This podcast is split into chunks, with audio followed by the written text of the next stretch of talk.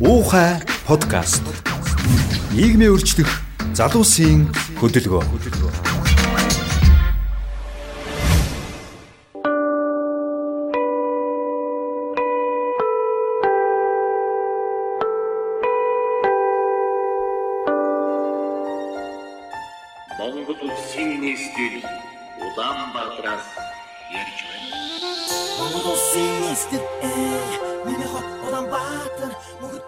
За сайн байцгаана уу? За Ауха подкастын 11 дахь дугаар буюу одоо хулган жилийн анхны дугаар эхлэхэд бэлэн болоод байна. Өнөөдөр бид нэр хот ба залуус гэсэн сэдвтэ. За ерөөдөө хот хот гэж юу юм те? За хотын хот дахь залуусын үүрэг ойл болоод хот маань өөрөө яг залуустай одоо зориулагдсан хот байныг үе тухай ярилцахаар хоёр зочин өртсөн байгаа. За эхний зочин маань бол менежментийн зөвлөх консалтант Батшиг ах хөрөлцөн ирсэн байна. За бас ууха хөдөлгөөний гишүүн. Сайн байна уу Батшиг ах? За манай нөгөө зочин бол Алдар сайхан хот төлөвлөгч. За эсхий хот гээд а, подкаст хийдэг. Одоо хот төлөлтөй холбоотой хотын асуудал ярилцдаг энэ эсхий хот подкастын хөтлөгч байгаамаа. За сайн уу Алдраа? За эхлээд ер нь яр- ярианд орохоос өмнө нас ганц хоёр тоо хэлвэл зүгээр ах. Ер нь яг Монгол бол ер нь залуу маш залуу ус гэж ярьдаг те. За энэ ингээ тоон дээр одоо батлагддаг. За хэдэн тоо хэлэхэд бол аа Монголд нэг хүн амын 3-2 нь буюу за нэг 63% нь бол 0-оос 35 хүртэлх насны иргэд байд юм байна. За тэгэхээр энэ бол ерөөхдөө улс маань За хот ч гэсэн бас ийм 63% нь бол 0-оос 35 хүртэл гэдэг юм байна. Тэгэхээр улс өөрөө Улаанбаатар маань өөрөө бол яа харахгүй залуусын хот болчиход байгаа. Хүн амын 3-2 нь бол одоо 0-оос 35 насны гэдэг бол. Тэгэхээр өөрөө а, хот маань өөрөө залуустай зориулсан хот бай гэдэг талаас нь за хот төлөвлөлт талаас нь ерөөсөө Улаанбаатар хот нь ямар гэдгийг за мэрэгжлийн хүн болохоор алдраагаас нэг асуу гэж бодож байна хот маань өөрөө хэр залууст ээлтэй хот бай те. Аа яг хоо ихэнх бол манай төрийн бодлого магадгүй аа жоохон дундаж болоод ахмын насны хүмүүс нэг чиглэлдэг юм шиг зүгээр тийм сэтгэл байдаг. Аа гэтэл нэг хүн амынхан те 3-2 залуус байгаад байдаг. За магадгүй энэ бас нөгөө залуусын ус төр тохиолдол баг байдаг болохоор тийм байд юм уу мэдтггүй.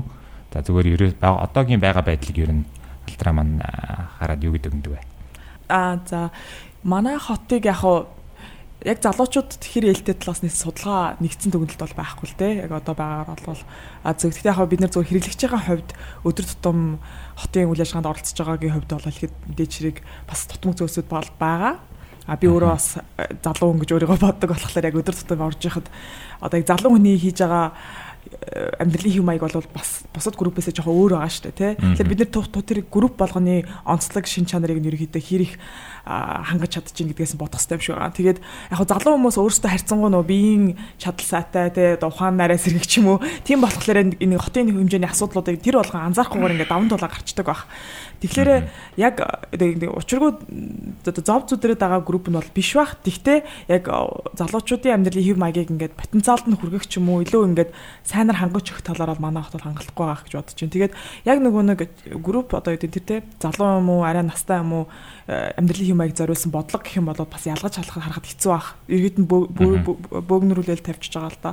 А зүгээр би бодохдоо бол залуу хүмүүст бол илүү их одоо биеийн хөдөлгөөний явган явах дугуугаар явах ч юм уу те гэх мэт чин тээврүүд илүү тохиомжтой юм шиг одоо бусад улсын жишгээр бол харагдаж байгаад манад бол ерөөхдөө яг л нөгөө нэг хувийн автомашины хэрэглээг дэмжсэн тээврийн бодлого явагддаг ч юм уу те гэх мэтчил нэг тийм юм бүтээр нь харж чадахгүй юмнууд явагдаад ах шиг байгаа. Тэгэхээр залуу хүмүүст бол яг тэр нэг онцлогийг нь бол хангаж чадчих гэж би бодохгүй байна. Гэтэ бас тэргээд бодонгууд яг бусад группүүд бас яаж яана гэж бодохлоор бас л хэцүү байгаа. Тэгэхээр бас яг аль аль тал дээр л ерөн жоохоо алдаад. Одоо ганц нэг нэг одоо золиос олчод байгаа бүлэг биш учраас тий одоо бүх насны ч юм уу эсвэл одоо юу гэдэг тий. Би одоо жишээлбэл хүүхд болоод хөгшчүүлийн групп бас айгу санаа зовдөг байхгүй яг л тэр хүмүүс чинь яг ингээд бас мэдээж хөгжлийн бэрхшээлтэй тийм ээ. Тэр тэр группүүд бол бүр их Улаанбаатар хотын амьдралд оролцох гэж илүү хүндрэлтэй байдаг байх гэж би бодоод байна. Залуу хүмүүс болохоор өөртөө хэрэгтэй гамнуудыг авч чадахгүй гэхдээ тэрийг даван туулах чадвар илүү сайтай гэх юм уу да. За тэгвэл яг дараа нь би алдраагаас нэг өөр одоо яг зүгээр концепцийн үед те одоо хот төлөвлөлт urban planning гэдэг зүйл дээр одоо бусад хот дээр болоод чинь залуусгаж чиглэсэн бас нэг юм байдаг л бах те бас явуулдаг юм байж магад дараа нь асуу гэж бодож бас Батэн шиг ахасаа зүгээр та а хот маань өөрөө хэр одоо залуус ээлтэй хот гэж боддог вэ?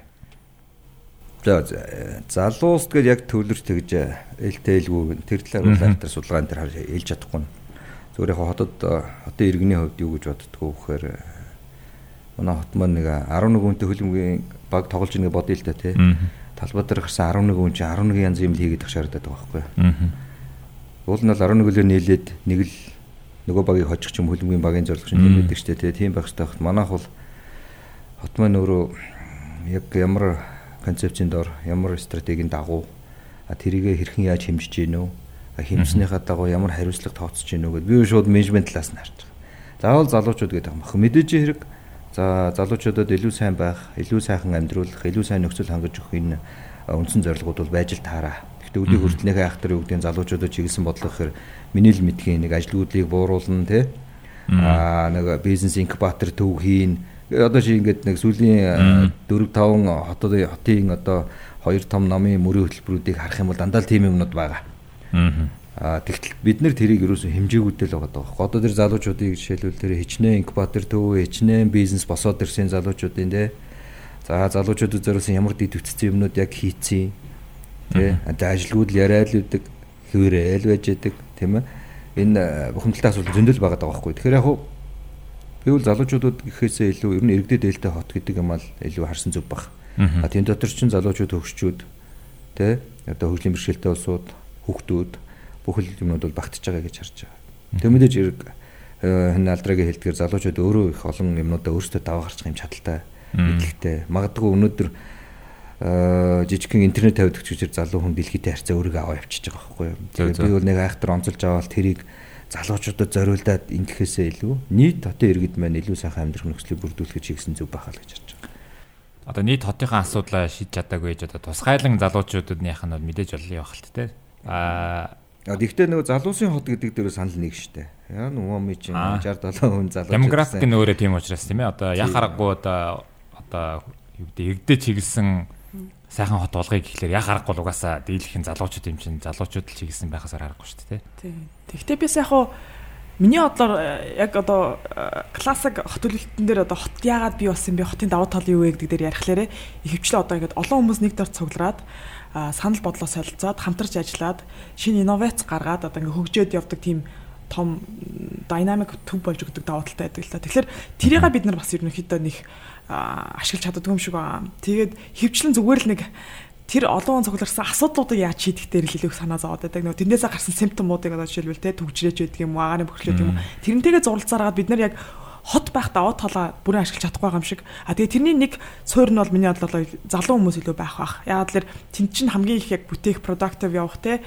илүү санаа гарах тэр групп тэм чин тэр нөгөө нэг инновацийн төв уул нэмнүүд хийгээд байгаа. Тэгэхээр тэрийг яг яг хүмүүсийн хэрэгцээнээр үндэслэж судалж ярьж хамтарч хийсэн үгүй юу гэдэг дээр л бас нэлээд дутмаг байгаа даа. Тэгэхээр тэр нэг потенциалыг бас гаргаад хөгжүүлвэл хоттоо ч хүмүүстэй ч гэсэн илүү ээлтэй байх боломжтой юм болов. Тэр талаасаа бас харуул залуу хүмүүс рүү бас тодорхой хэмжээнд илүү фокуслах бас э, үндэслэл байгаа гэж бодож байна. Одоо яг саяных дээр нэмээ хэлэхэд энэ өөрөө бид ч Улаанбаатар нийслотын тухай ярьж байгаа байхгүй тий. Нийслот өөрөө ягаад энэ хүмүүсийг татдаг юм анхаарлын төв болчдгоо гэхээр эдийн засгийн агуулга байна, сурч боловсрох агуулга байна, найзлт нөхөрлөх, бизнес эрхлэх гэх маш олон юм татах сорон зайдал татж байгаа энэ энэ боломжуудын төв учраас хүмүүс их ирж байгаа байхгүй. А гол нь энэ ирж байгаа улсуудыг зохицуулж чадахгүй даа л асуудал байна. Бид нар өнөөдөр харлаа шүү дээ. Хүүхдүүдийг карантинлаад ингээд тавихад замын төвжрэл хэдэн өөр буурж ийн нүдэн дээр ил ингээ харагдаж шүү дээ тий. Гэтэл бид нар уул зураа өргөсгөх тухай, шинэ гүүр барих тухай, зам барих тухай гэдэг ингээд үндсэн шалтгааныг олж харлгүйгээр маш олон магадгүй их хэмжээний хөрөнгө оруулалт үр дүнгuu зарцуулсан ч гэж мэдэх. Өнөөдөр зүгээр харахад бол тийм ээ жишээлбэл бид нар нийтийн тээврийн бодлого маань өөрөө хүнийг машинтай байхад илүү чиглэж байгаа мó машингүй явахд нэлээд чиглэж байгаа мó гэдэг шиг юм тодорхой асуудал дээр yes no гэдэг хариунуудаа өгөө явцсан байх байсан бол бид нэр олон асуудлуудаа ингээд үе шатлан шийдээд яваад байх боломжтой байсан л гэж харж байгаа. Тэгэхээр өөрөө залуучууд маань аа, за юу гэдэг за дийлэх нь бол одоо хоёрын машингүй явган ч юм уу нийтийн тээврээр илүү алдагдах багт те. Тэгэхээр яг хэрвээ яг нийтийн тээврийн дотроо залуучууд гээ салгаад авах юм бол яг харахгүй ихэнх нь бол одоо нийтийн тээврийг сайжруулах. За тэрнээс биш зам за таны хэлдгээр нөгөө нэг зам өрөсгөхөд л ерөөсө төгжрөл арилдгүү гэдэг нь бол ерөөхдөө бол батлагдсан зүйл байдаг шүү дээ. Энд дээр бас ямархуу ер нь концепцээр юм. За манахаас илүү нэгтэршилтэй хотууд хүртэл байдаг те. Тэгсэн мөртлөө нийтийн тээврүүдээ нэг цэгээс Б А цэгээс Б рүү явах одоо цаг хугацаа маш одоо хурдан байх талтай байдаг шүү дээ. Энд дэр онлын талаас нь одоо юу гэдэг онлж явахтай зүгээр urban planning талаас нь юу гэж хардтай. А яг нийтийн тээвэр дээр болвол бишээ за яг ерөнхийд тээврийн чиглэл дээр хотын төвшөнд тодорхой хэмжээний нэгтэршилт хүрсний дараа бол бүгд хувийн машинтай. А тэр тусмаа хувийн машин дотор нэг хүн юм уу нэг хоёр хүн тэгээд яваад ах нь бол угаасаа бүтээмжгүй дээрээс нь боломжгүй зүйл л те. А яг манай хотын хувьд бол угаасаа автомашин хэрэглээ одоо өндөр болсноос гадна нөгөө нэг сүлжээ замын замууд ер нь бага байхгүй юу? Блок нь айгу том гэсэн үг. А тэгээ хуучин социалистууд барьсан том блок дотроо тэр хэмжээний нэгтршлээ хавж үлдэхгүйгээр нэмэлт зам барихгүйгээр ахаад нэмээ барьсан байхгүй. Тэгэнгүүт чинь тэр сүлжээ зам байхгүй болонгууд чинь хол тойрж явдаг явдаг болохоор олон хүн нэг зам дээр гачаад төгжээд байдаг. А тэгэхээр цаашдаа бол ерөөсөө угаасаа л манай хотын нэг хитгэн шийдэл байгаа ерөөсөө айгүй ойлгомжтой нийтийн төвийг сайн хөгжүүлээд а тэгээд тэр сүлжээ буюу одоо яг нэг жижиг нарийн судсан замнуудад жоохон нээж өгөх хэрэгтэй байхгүй юу түүнээс биш том зам бариад гүүр бариад угаасаа олон улсад хийгээд туршаад үзээд тэгээд нураад их жаахгүй шүү дээ гүүрүүд нь фейлдсэн тийм жишээнүүд өчнөө байгаад байгаа. Тэгэхээр энийг айгуу сайн бодох хэрэгтэй. Тэгээд дээрэс нь нөгөө нэг бас л бид нар ярьсан шүү дээ. Одоо олон төрлийн группийн хүмүүс байгаа. Хүүхдээ нөхшөө хүмүүс байна, залуу хүмүүс байна. Тэр хүмүүст яг ямар төрлийн тээвэр илүү тохиромжтой байна? Тэр хүмүүс яаж явж гин? Аа тэгээд хідэн хүн хаанаас хаа хүртэл ажилдаа явж гин өглөөний явж гин орой явж гин үү сургуультай явж гин сэлгтээ явж гин үү гэд тэрийг сайн ойлгочингууд ингээд ерхий дүр зөр гараад ирнэ. А тэгээ 1.5 сая орчим хүн амтай хот бол дэлхий дээр ол нэг тийм том яг жижиг бол биш. Тэгтээ том бол биш байхгүй иймэрхүү зэргийн асуудлыг бол шийдчих болно. Тийм. Тэгээд манайхад тэгэл дандаа нэг хүтэн цагаагаартай энэ тэр гээд ярьдаг. А хүтэн хотууд ч гэсэн дэлхий дээр бас нийтийн тээврээс авч явж байгаа. тэгэхээр сайн тээвэр автобус зогсоол дээр ямар хэмнүүд байна тэр мэрийга шийдээд өөртөө тохирсон нэг хөөрхөн шийдэл олж боломжтой л гэж бодож байна. Жишээлээ нийтийн тээврээс хүн бол нэг хоёрхан л юм хүсэж байгаа шүү дээ. Тэ цагтаа явдаг, тав дахтаа байх гэсэн энэ хоёрыг хийжвэл эдийн засгийн үлээ 3 4лөө тавьж байгаа байхгүй тий. Энэхээр үйлчлэгээ сайжраад чи үнэхээр юу гэдэг гэрээсээ гараад автобусан суугаад ажилдаа очиход нийтийн тээвэр чинь чамд юм тодорхой яг цагийг амлж чадчих байгаа бол чи тийшээ суух байхгүй. Өнөөдөр тэгдэг юм уу? Энэ төгжрөл юм уу энэ байдлаас ингээ харах юм бол бид тэрнээс болж бас нэлээд олон улсууд машин ундаг гэж бодож байгаа. Тийм ажилласаа хот сурна одоо нөгөө төвхтэй учраас цалин мөн гасгаас ахуулаад хүмүүс ялангуяа залуучуудад тохиолдох юм зөндөө штэ. Тэр дарга зэрэг нь автобус өгөө тэр талаар мэдгчгүй баг байж байгаа. Тэгэхээр нийтийн тээврүүл тэр хоёрыгоо нэг тэргүүндээ тавьчих юм бол тий цагтаа явдаг. Тэ тэгээд тав дахь тагс энэ хоёрыг тавьчих юм бол магадгүй 3 4 дээр нөгөө пледний үн мөн алдагдал ашиг машиг юмнууд нь явах бах тий. Тэгэхээр бид нар бол нийтийн тээвэрлэл үнэхээр хүмүүсийг оруулах гэх юм бол тэр агуулга нь илүү их чухал тусах байх. Тэ? Тэр агуулга нь илүү их чухал тусах байх. Аа бүр ингээд дотор нь яг юу талаасаа менежмент талаас нь ингээ харах юм бол төрийн өмчт юм уу, нийслэлийн өмчт тээврийн компаниуд байна те. Нөгөө тал товын компаниуд байна. Нийтийн тээвэр дотор. Тэгэхээр нийтийн тээвэр жишээлбэл яг ашигтай ажиллах нь сайн юм уу? Ашиггүй ажиллах нь сайн юм уу гэдэг юм чинь юм саарам гаргаж байгаа шүү дээ те. Хувийн компаниуд бол ашиггүй ажиллахгүй шүү дээ. Нийтийн тээврийг ашигтай ажиллуулахын тулд тэд нар чи хийгээд байдаг. Гэтэл нөгөө талд маш том дата датац өгөөд идэг те. Пледний үнэ ингээд яах юм. Тэгсэн чинь автобусууд нь улам ямбираад одоо мяраад идэг те тав тухн муудаад идэг. Тэгэхээр энэ хоёрын хооронд чинь нэг юм зөрчилдөөн харагдахгүй байна шил. Нийтийн хизээ сайжрах вэ гэхээр чи хүмүүст амлаж чадахгүй шилбэл яг ийм байдлаараа Одоо сүүлийн хэдэн жил чинь хотод нэг автобусны тоо бол ерөөсөө өсөөгүй ч илүү нэг тийм тоо оржсэн. 700 байдаг ч илүү сүүлийн хэдэн жил. 1100 орчим байгаа. Тэгээ явдгуунуудаа асуул 1000 гарна л. Тэгээ 1000 л дээ. Тэг бүр насжилтыг нь бас одоо бүр хөгшрөө дуусч байгаа юм билээ шүү дээ. Нийтийн тээвэрч одоо нөгөө зөв хувийн автомашинаас илүү хурдан илэгддэг тий. Байнгын одоо явдаг учраас яг ашиглалтанд 10 жил ахгүй нийтийн тээвэр автобусууд чинь. Тийм. Тэгэхээр хэдэн жилтэй автобусыг хаанаас авчирдаг вүлээ. Тэгээ энд яаж ашигладаг вүлээг ингээ харахаар чинь Энд яалт. Тэгэхээр энэний цаан чинь нөгөө эдийн засгийн агуулмж нь байна уу байхгүй л байхгүй. Ягаад шинжилж чадахгүй нэхэр мөнгө байхгүй бол шинжилж чадахгүй байгаа шүү дээ. Тэгэхээр мөнгө яах хэрэгтэй. Нэг бол хатаас өөрсдөө хөрөнгө оруулалт те хувийн компаниуд нь хийж чадах юм уу тэр үл тэдний асуудал болоод явчихж байгаа. Би нөгөө Сингапурт сурж байхад нэг юу нийтийн тээврийн нэг хичээл авч ирсэн юм л да. Тэн дээр болохоор яг янз бүрийн улсуудын одоо ингээд амжилттай, амжилтгүй те жишээнүүд ярьд юм байлээ. За ер нь бол амжилттай яваа нь болохоор аль болох нөгөө зах зээлийн зарчмаар гэхдээ мэдээж төрөөс нөгөө нэг зүгээр бодлогоор дэмжин гэхдээ ашигтай байж ижил ерөөхдөө одоо sustainable байдаг талаас нь яриад байсангүй юу? Би яг хаа бас transportation хичээлэг MIT-д авч ирсэн. Гэхдээ миний яг классик югаар бол яг тэр нийтийн тээврийн юм дээр бол угаас ашигтай ажиллах айгүй хэцүү. Дэлхийд дээр нэг зөвхөн ашигтай ажилладаг нийтийн юутай хотол байдаг. Хонконг тэгээд баг Сингапур байж магадгүй. Тэр нь л хоёр байгаа. Тэгээд тэр чинь амар өндөр нэгтэрчлээ. Угаасаа машин одоо авах хэрэглэх зардал өндөртэй болохоор нийтийн тээврийнхаа үнэлгээг тодорхой хэмжээнд зах зээлийн үнэлгээтэй байлгаад зохицуулаад байгаа байхгүй. Бусад бүх газар татаастай. А тэгтээ түүнээс биш. Тэгтээ яг татаас нэг амар одоо юу гэдгийг хязгааргүй их байгаад ах биш. Тэр нь яг зөв чиглэл рүү явах нь л чухал байгаа. Тэгээд одоо угаасаа ерөөхдөө нийтийн тээврийг илүү хямдхан болгоод илүү accessible хүртээмжтэй болгох тал руугаа ер нь илүү их явж байгаа. Одоо Эстонд гэхдээ автобус эдийн тээврийг үнэгүй болгоцсон ч юм уу те бүх хүндтэйгээ хүртээмжтэй болдог тийм байдлаар шийдэж авч шийдлүүд илүү чиглэл рүү яваад байгаа. А би бол зүгээр яг эдийн засгаас харахтаа бол а мэдээч хэрэг айгүй тийм хүртээмжтэй сайн юунуудаа байх хэвээр тодорхой хэмжээний татаас байх хэвээр. Гэхдээ гол юу нь бол машиныхаа бас хэрэглээг зохицуулах хэвээр юм шиг байгаа. Яг бусад альтернатив сонголтуудтай бусад сонголтууд чинь автобусаар явхаас илүү хямдхан, илүү хурдан, илүү найдвартай тийм байгаад ирэхлээр бид нар асуудалтай болчихж байгаа байхгүй. Одоо жишээлбэл Улаанбаатарт бараг л нэрээ Плюс унж байгаа хүн илүү хямдханаар автобусанд явхаас бараг хямдхан ийш явчих болох боломжтой болсон байхгүй юу.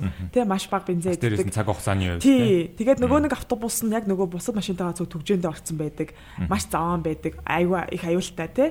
Гэх мэт чинь тийм байгаа учраас бид нар яг э, тэр юугаа харж агаад яг хэрэглэгч тэрийг бусад юмудаа хэрхэн амарч чадчихээн илүү хурдан одоо яг э, батшгийн ясаар цагта дээрэс нь хямдхан байх хэрэгтэй байхгүй юу. Тэгэхээр миний бодлоор тэрийг айгүй шийдэж чадчих илүү хүртээмжтэй олон хүнд хүрэх байх л та. Тоош нэг 500 төгрөг гэхээр миний хувьд бол яг хав нэг тийм үнэтэй бол биш байх тийм 500 төгрөг бол одоо сүүлийн мэдхгүй ядаа ба 5 10 жил 500 төгрөгөр л байгаад байгаа санагдаад байгаа тийм. Тэгэхээр нөгөө нэг татаасны асуудал ороод ирэхлээр мөнгө санхүүний асуудал ороод ирдэг байх. Тийм тэгэхээр одоо нөгөө миний төрөний ярьдаг нийтийн тээвэр яг аль руугаа явж байгаа юм бэ гэдгийг хэлэхгүй бол жишээлбэл алдрагийн ярьж байгаа одоо хувийн тээвэр хийж байгаа автобусны компани нөхдүүд сонсох юм бол би чи хизээч ашиг хийхгүй юм байна шүү дээ. Энд чинь татаасан дээрээ найдаж нөгөө төрийнхөө гарыг харж амь зуух юм байна шүү дээ гэдээ ингээд явчих واخгүй да. Тэгэхээр бид нар яг тэрийг аль юугаар явуулах вэ гэдгийг сайн хэлэхтэй. Зөв яг илүү түрүүн төлөөгийн ярианд ярьсан концепцийн тухай гэдэг талаас бол одоо бид нар чинь бол амьдрахад таатай ч маз жаргалтай хот гэдэг концепцийн дор яваад байгаа гэж ойлгож байгаа. Би бол та сүүлийн сая төлөв тэр хотын хүн амтрын албаны улсуудын яриагаар төлгөө амар өндөр хөвтэй хэрэг 92%. Бараг э, шагнал шагнуулах шахуу юм болсон юм шиг байлаа. Тэгэхээр би зүгээр дэлхийн амьдрахад таатай хотын индекс гэдэг зүйлийг ингээ харахад 10 том үзүүлэлт байгаа байхгүй юу те боловсрол эрүүл мэнд нийтийн тээвэр гэдэг ингээ 10 үзүүлэлт ногоон байгууламж дараа тэрийг ярьна тэр олон зүйлүүд байгаа байхгүй. Зүгээр бид нар сая яагаад тэр нийтийн тээвэр гэдэг тэр нэг амьдрахад таатай хот гэдэг индексийн нэг үзүүлэлт рүү нэлийн гүнзгий орох маягийн болчлаа л да. Нийтийн тээвэр гэдэг зүйл рүү те тэгэхээр бид нар үнэхээр энэ амьдрахад таатай хот гэдэг юмар ингээд хотоо ингээд 4 жил 8 жил 20 жил ингээ хөгжүүлдэг юм юм болж байгаа юм бол бид нэр жил болгон тэр амьдрахад таатай хотын индексүүдийн үзүүлэлтүүдийг тодорхой үр дүнгуудыг иргэдтэй тайлагнах хэрэгтэй болчихж байгаа. За өнөөдөр юу гэдгийг ногоон байгууламж амьдрахад таатай хотод нэг хүн дунджаар 20 м квадрат нэг иргэнд те ноогддог байх юм бол Улаанбаатар хотод хэд байна? 3.6 ч үлээ би нэг тийм таарсан сая. Тэгэхээр бид нэр тэр дундаж үзүүлэлтээс бол Улаанбаатар хотын иргэдэд ногж байгаа ногоон байгууламж чинь хамаагүй бага байхгүй юу? 5 6 дахин бага шүү дээ. Тэрөө бид нар үнэхээр амьдрахад таатай хотын юм руу явж байгаа бол За 2020 онд жишээлбэл ногоон байгууламж нэг хүн ноогдох Улаанбаатарт ирнэ ноогдох ногоон байгууламжийг 3.6-аас 1.7 ч юм уу болгоно. Тэгээ жилийн дараа иргэд ингээд тайлагнадаг байх хэрэгтэй байхгүй би нэг хүн ноогдох ногоон байгууламжийг 7 болгочлоо. Хаа байна гингүүд энэ энэ энэ туулгал дагсан, дундгал дагсан, сэлбгал дагсан тийм үү хүүхдийн парк ч юм уу оруулаад Улаанбаатар хотын иргэдэд ноогдох ногоон байгууламжийн талбайг би ингэж нэмлээч юм уу. За аль эсвэл тэр янз бүрийн босон болоогүй зөвшөөрөлтөө зөвшөөрөлгөө байшингуудыг буулгаад нураагаад тэрийг бас гардан цэцэрлэг болголооч гэдэг юм нэг ийм үзүүлэлтээр хотоо ингээд удирдах явахгүй болохоор бид нэр ингээд дандаа нэг амар өндөр төлгөө ямар юмч байсан бүүм мэд ямар юмнаас хэмжээд байгаа бүүм мэд нэгэн бүдэг бадаг тэнд хэдэн дарга нар ярьж байгаа нэг юм ярьж байгаа. Яг үндэ энэ хотод амьдарч байгаа иргэдэд ялангуяа залуучууд бол нэг сонирхчихгүй байгаа. Тийм. Тэр нөгөө ад жаргалтай хот гэдэг нэг төлөлгөө явж байгаа тий. Тэрнийхээ нөгөө биелэлт нь 92% гээд одоо одоо юу гэдэг нь гайхалтай үзүүлэлт юм шиг яриад байгаа. Надад бол зүгээр тань яг хэлж байгаа санал нь хэлж байна. Зүгээр төсвөлсөн мөнгөнийхөө 92%-аа бид нэр өрцөн учраас төлөвлөгөөгөө 92 биелүүлчлээ л гэж би хараад байна. Гүү гүү мөнгөөр биш би зүгээр тэр юу бичсэнийг мэдэхгүй байгаа. Тэр хэмжигдэх үзүүлэлтүүд тавьсан юм уу? Чанарын үзүүлэлт тавьсан юм уу? Тооны үзүүлэлт тавьсан юм уу? төсөл ихлүүлсэн. Бид нар мэдэхгүй учраас одоо зүгээр би сайн муу гэж хэлж чадахгүй шүү уучлаарай те. Гэхдээ зүгээр хотод амьдэрдэг хүний хувьд ярихад бол нүдэнд үзэгдээ даз жаргалаа мэдэрмээр байгаа байхгүй. Одоо би бол одоо хотын иргэдийнхаа 92% ад жаргалтай болгоцсон учраас Үгүй үгүй үгүй баха. 92% яг бид зүгээр Цаасан дээр бичсэн юмныхаа л доор хүлээн 92 гарсан байна. Хошинж байгаас зүгээр аз жаргалтай хот гэдэг нэртэй одоо юу гэдэг төлөвлөгөө гаргачаад тэгээ биелэлт нь 92% гэхэлэр чинь 92% аз жаргалтай болцсон байж ч одоо тэр нэг нэртэйгээ тарахад байгаа юм шүү. Яг тэр төлөвлөгөөнийхөө хэрэгжилтэйг л үзсэн хаа. Яг Улаанбаатар хотод зориулсан төлөвлөгөө, стратегийн бодлогын баримт бичиг юмнууд нь бол зөндөө байдгийм. Мастер план гэх юм одоо 6 дахь нь баг гарч байгаа хаа. Тэгээд Тэгтээ надад зүгээр анзаараад байгаа юм болохоор би ч нэг өөр өөр улсууд янз бүрийн төлөвлөгөө эдрийг харахаар яг ингээд олон нийт рүү чиглэж гаргасан материал бол харьцангуй ойлгоход амархан энгийн те. Яг түрүү хэлсэн шиг нэг 10 категори ч юм уу. Яг ингээд нэг хэмждэг дундын ойлголтоо жигдрүүлчихдэг байхгүй юу. Тэгэхгүй манайх чинь нэг нэг ногоон хот гэж орж ирэл нэг ямар хот гэж орж ирэл ингээд тийм давтаж давтаж ирээ. Тэгээ тэр нь заримдаа яг хуу ихэвчлэн уул нь яг хуу хэрэгжүүлж байгаа бичиж байгаа хүмүүс уйлдуулахыг хичээдэг байхгүй юу. Гэхдээ яг ингээд амар маш олон юмны дунд орчихлээрээ бас хэцүү болчихдгийг. Тэгэхээр зүгээр би ингэчмээр л байгаа. Хамгийн энгийнээр хэмждэг нэг хэдийн юмтай болоод тэрийг айгүй ойлгомжтой болоод тэгтээ иргэдэн ч гэсэн бас тэрийг айгүй сайн ойлгодог мэддэг болоод за тэр чинь яг юу гэсэн үг вэ? А за ногоон байгууламж тэгвэл тэд юм бол а хүртээмжийн асуудал хэд юм? Би одоо нэг байгаа газараасаа миний 100 м-ийн дотор ногоон байгууламж байгаа мó гэдэг ч юм уу. Иймэрхүү асуултууд асуугаад тэрнийхээ амийг ингэ шаардаж чаддаг болох хэрэгтэй юм шиг байна. Тэгхгүйгээр бид нар угаасаа хүсэж байгаа юм хүн хийж өгнө гэд хүлээгээд тахад ер нь бол одоо баг хизээж болохгүй гэдгийг нь хүлээн зөвшөөрөөд а би яг одоо байгаа газартаа юу хүсэж чинь ямар хөө байвал зүгээр байна гэдгээ яг тэр нэг нэг төлөвлөсөн юмтай харьцуулж бодоод тэгээд шаардах маа шаардаад нэмүүлэх нэм юм ягаа тэгээ тэгээ явах хэрэгтэй юм шиг байна. Би бол тэгж л бодоод байгаа сүлээ. Тэгээ сая энэ бол алдраа тэр яриад байгаа юм бол ингээ үзүүлэлтийн тухай ярьчлаа шүү дээ тийм. Энэ үзүүлэлтийг гаргахаас өмнө дээр нэг концепц нь байгаад концепцээ хэрэгжүүлэх арга замууд нь байгаа даа. Жишээл одоо саяны ярьдгаар хүртээмжгээ те миний ойрхон гэрээ ойрхон 200 300 м ногоон байламж байна уу ихэнх нь байхгүй л байхгүй да ер нь бол тийм маш тодорхой болсон байна. Энэ яга байхгүй болчт юм бэ гэхээр ямар ч концепцэг учраас байхгүй болчдөг байхгүй. За одоо жишээлбэл юу гэдгийг бусад одоо барууны орнуудын жишгүүдийг ингээд бид жишээл англиг ч юм ингээд харахаар чин жишээлбэл тэр хот төлөвлөлт чин хот чин дүүрэг болоод дүүрэг чин дотроо хэсгүүд болоод тавигдсан байгаа шүү дээ тий. Тодорхой хэсгүүдийг газар олгохдоо жишээлбэл эхлээд нийгмийн байгууламж зориулсан газруудыг эхлээд аваад үлдчихэж байгаа байхгүй юу. Аа. Замд юу авч үлдэх юм. Энд хэдэн мянган хүнтэй орон сууцны юм болох гэж байгаа ингээд тэр нь таарсан сургуулийнхаа, цэцэрлэгийнхаа, нийгмийн байгууламжийнхаа талбаануудыг чөлөөлж авчгаад тэгээд дараа нь тэр бизнесийн байгууллагуудад газар олголтыг хийж байгаа байхгүй юу. За жишээл манай тэгдэм үү гэхээр энэ чинь толгой нь урууга харцсан байгаа юу. Одоо жишээл бид нэр ярамгийн ч юм уу тэр газруудыг харахаар инэт инэт чинь үзэндээ бол наатрийн нөх наатлын газартай нөхөр нь хамаг зам харгуу гарах боломжтой юм ингээ хаагаа бүү юм хийгээд цаатлын газартай нөхрийн газар чинь ямар ч үнэгүй бараг гарах орох боломжгүй болоод байна шүү дээ. Яг эн чинь гэр хороолдоор яг ижих юм байхгүй. Галын мишээ орж чадахгүй, төргөний мишээ орж чадахгүй тий. Тэгэхээр эн чинь нөгөө төрөний хилдэг одоо 6 дахь удаагийн төлөвлөлт хийх гэж нэгээд тэгж мэрэгжлийн хүн хэлээд шүү дээ. Би бол зүгээр хэлж байгаа байхгүй. 6 дахь удаагийн бүтлгүүт болчих магадгүй байхгүй. Яг бол бараг тодорхой. Концепцоо тавиад хэд би түрүүлсэн шүү дээ 11 хөлбөмбөг тоглох ч бол 11 янзаар тоглодог байж болно. Гэхдээ нийлээд нэг зорилго руу явдаг юм аа.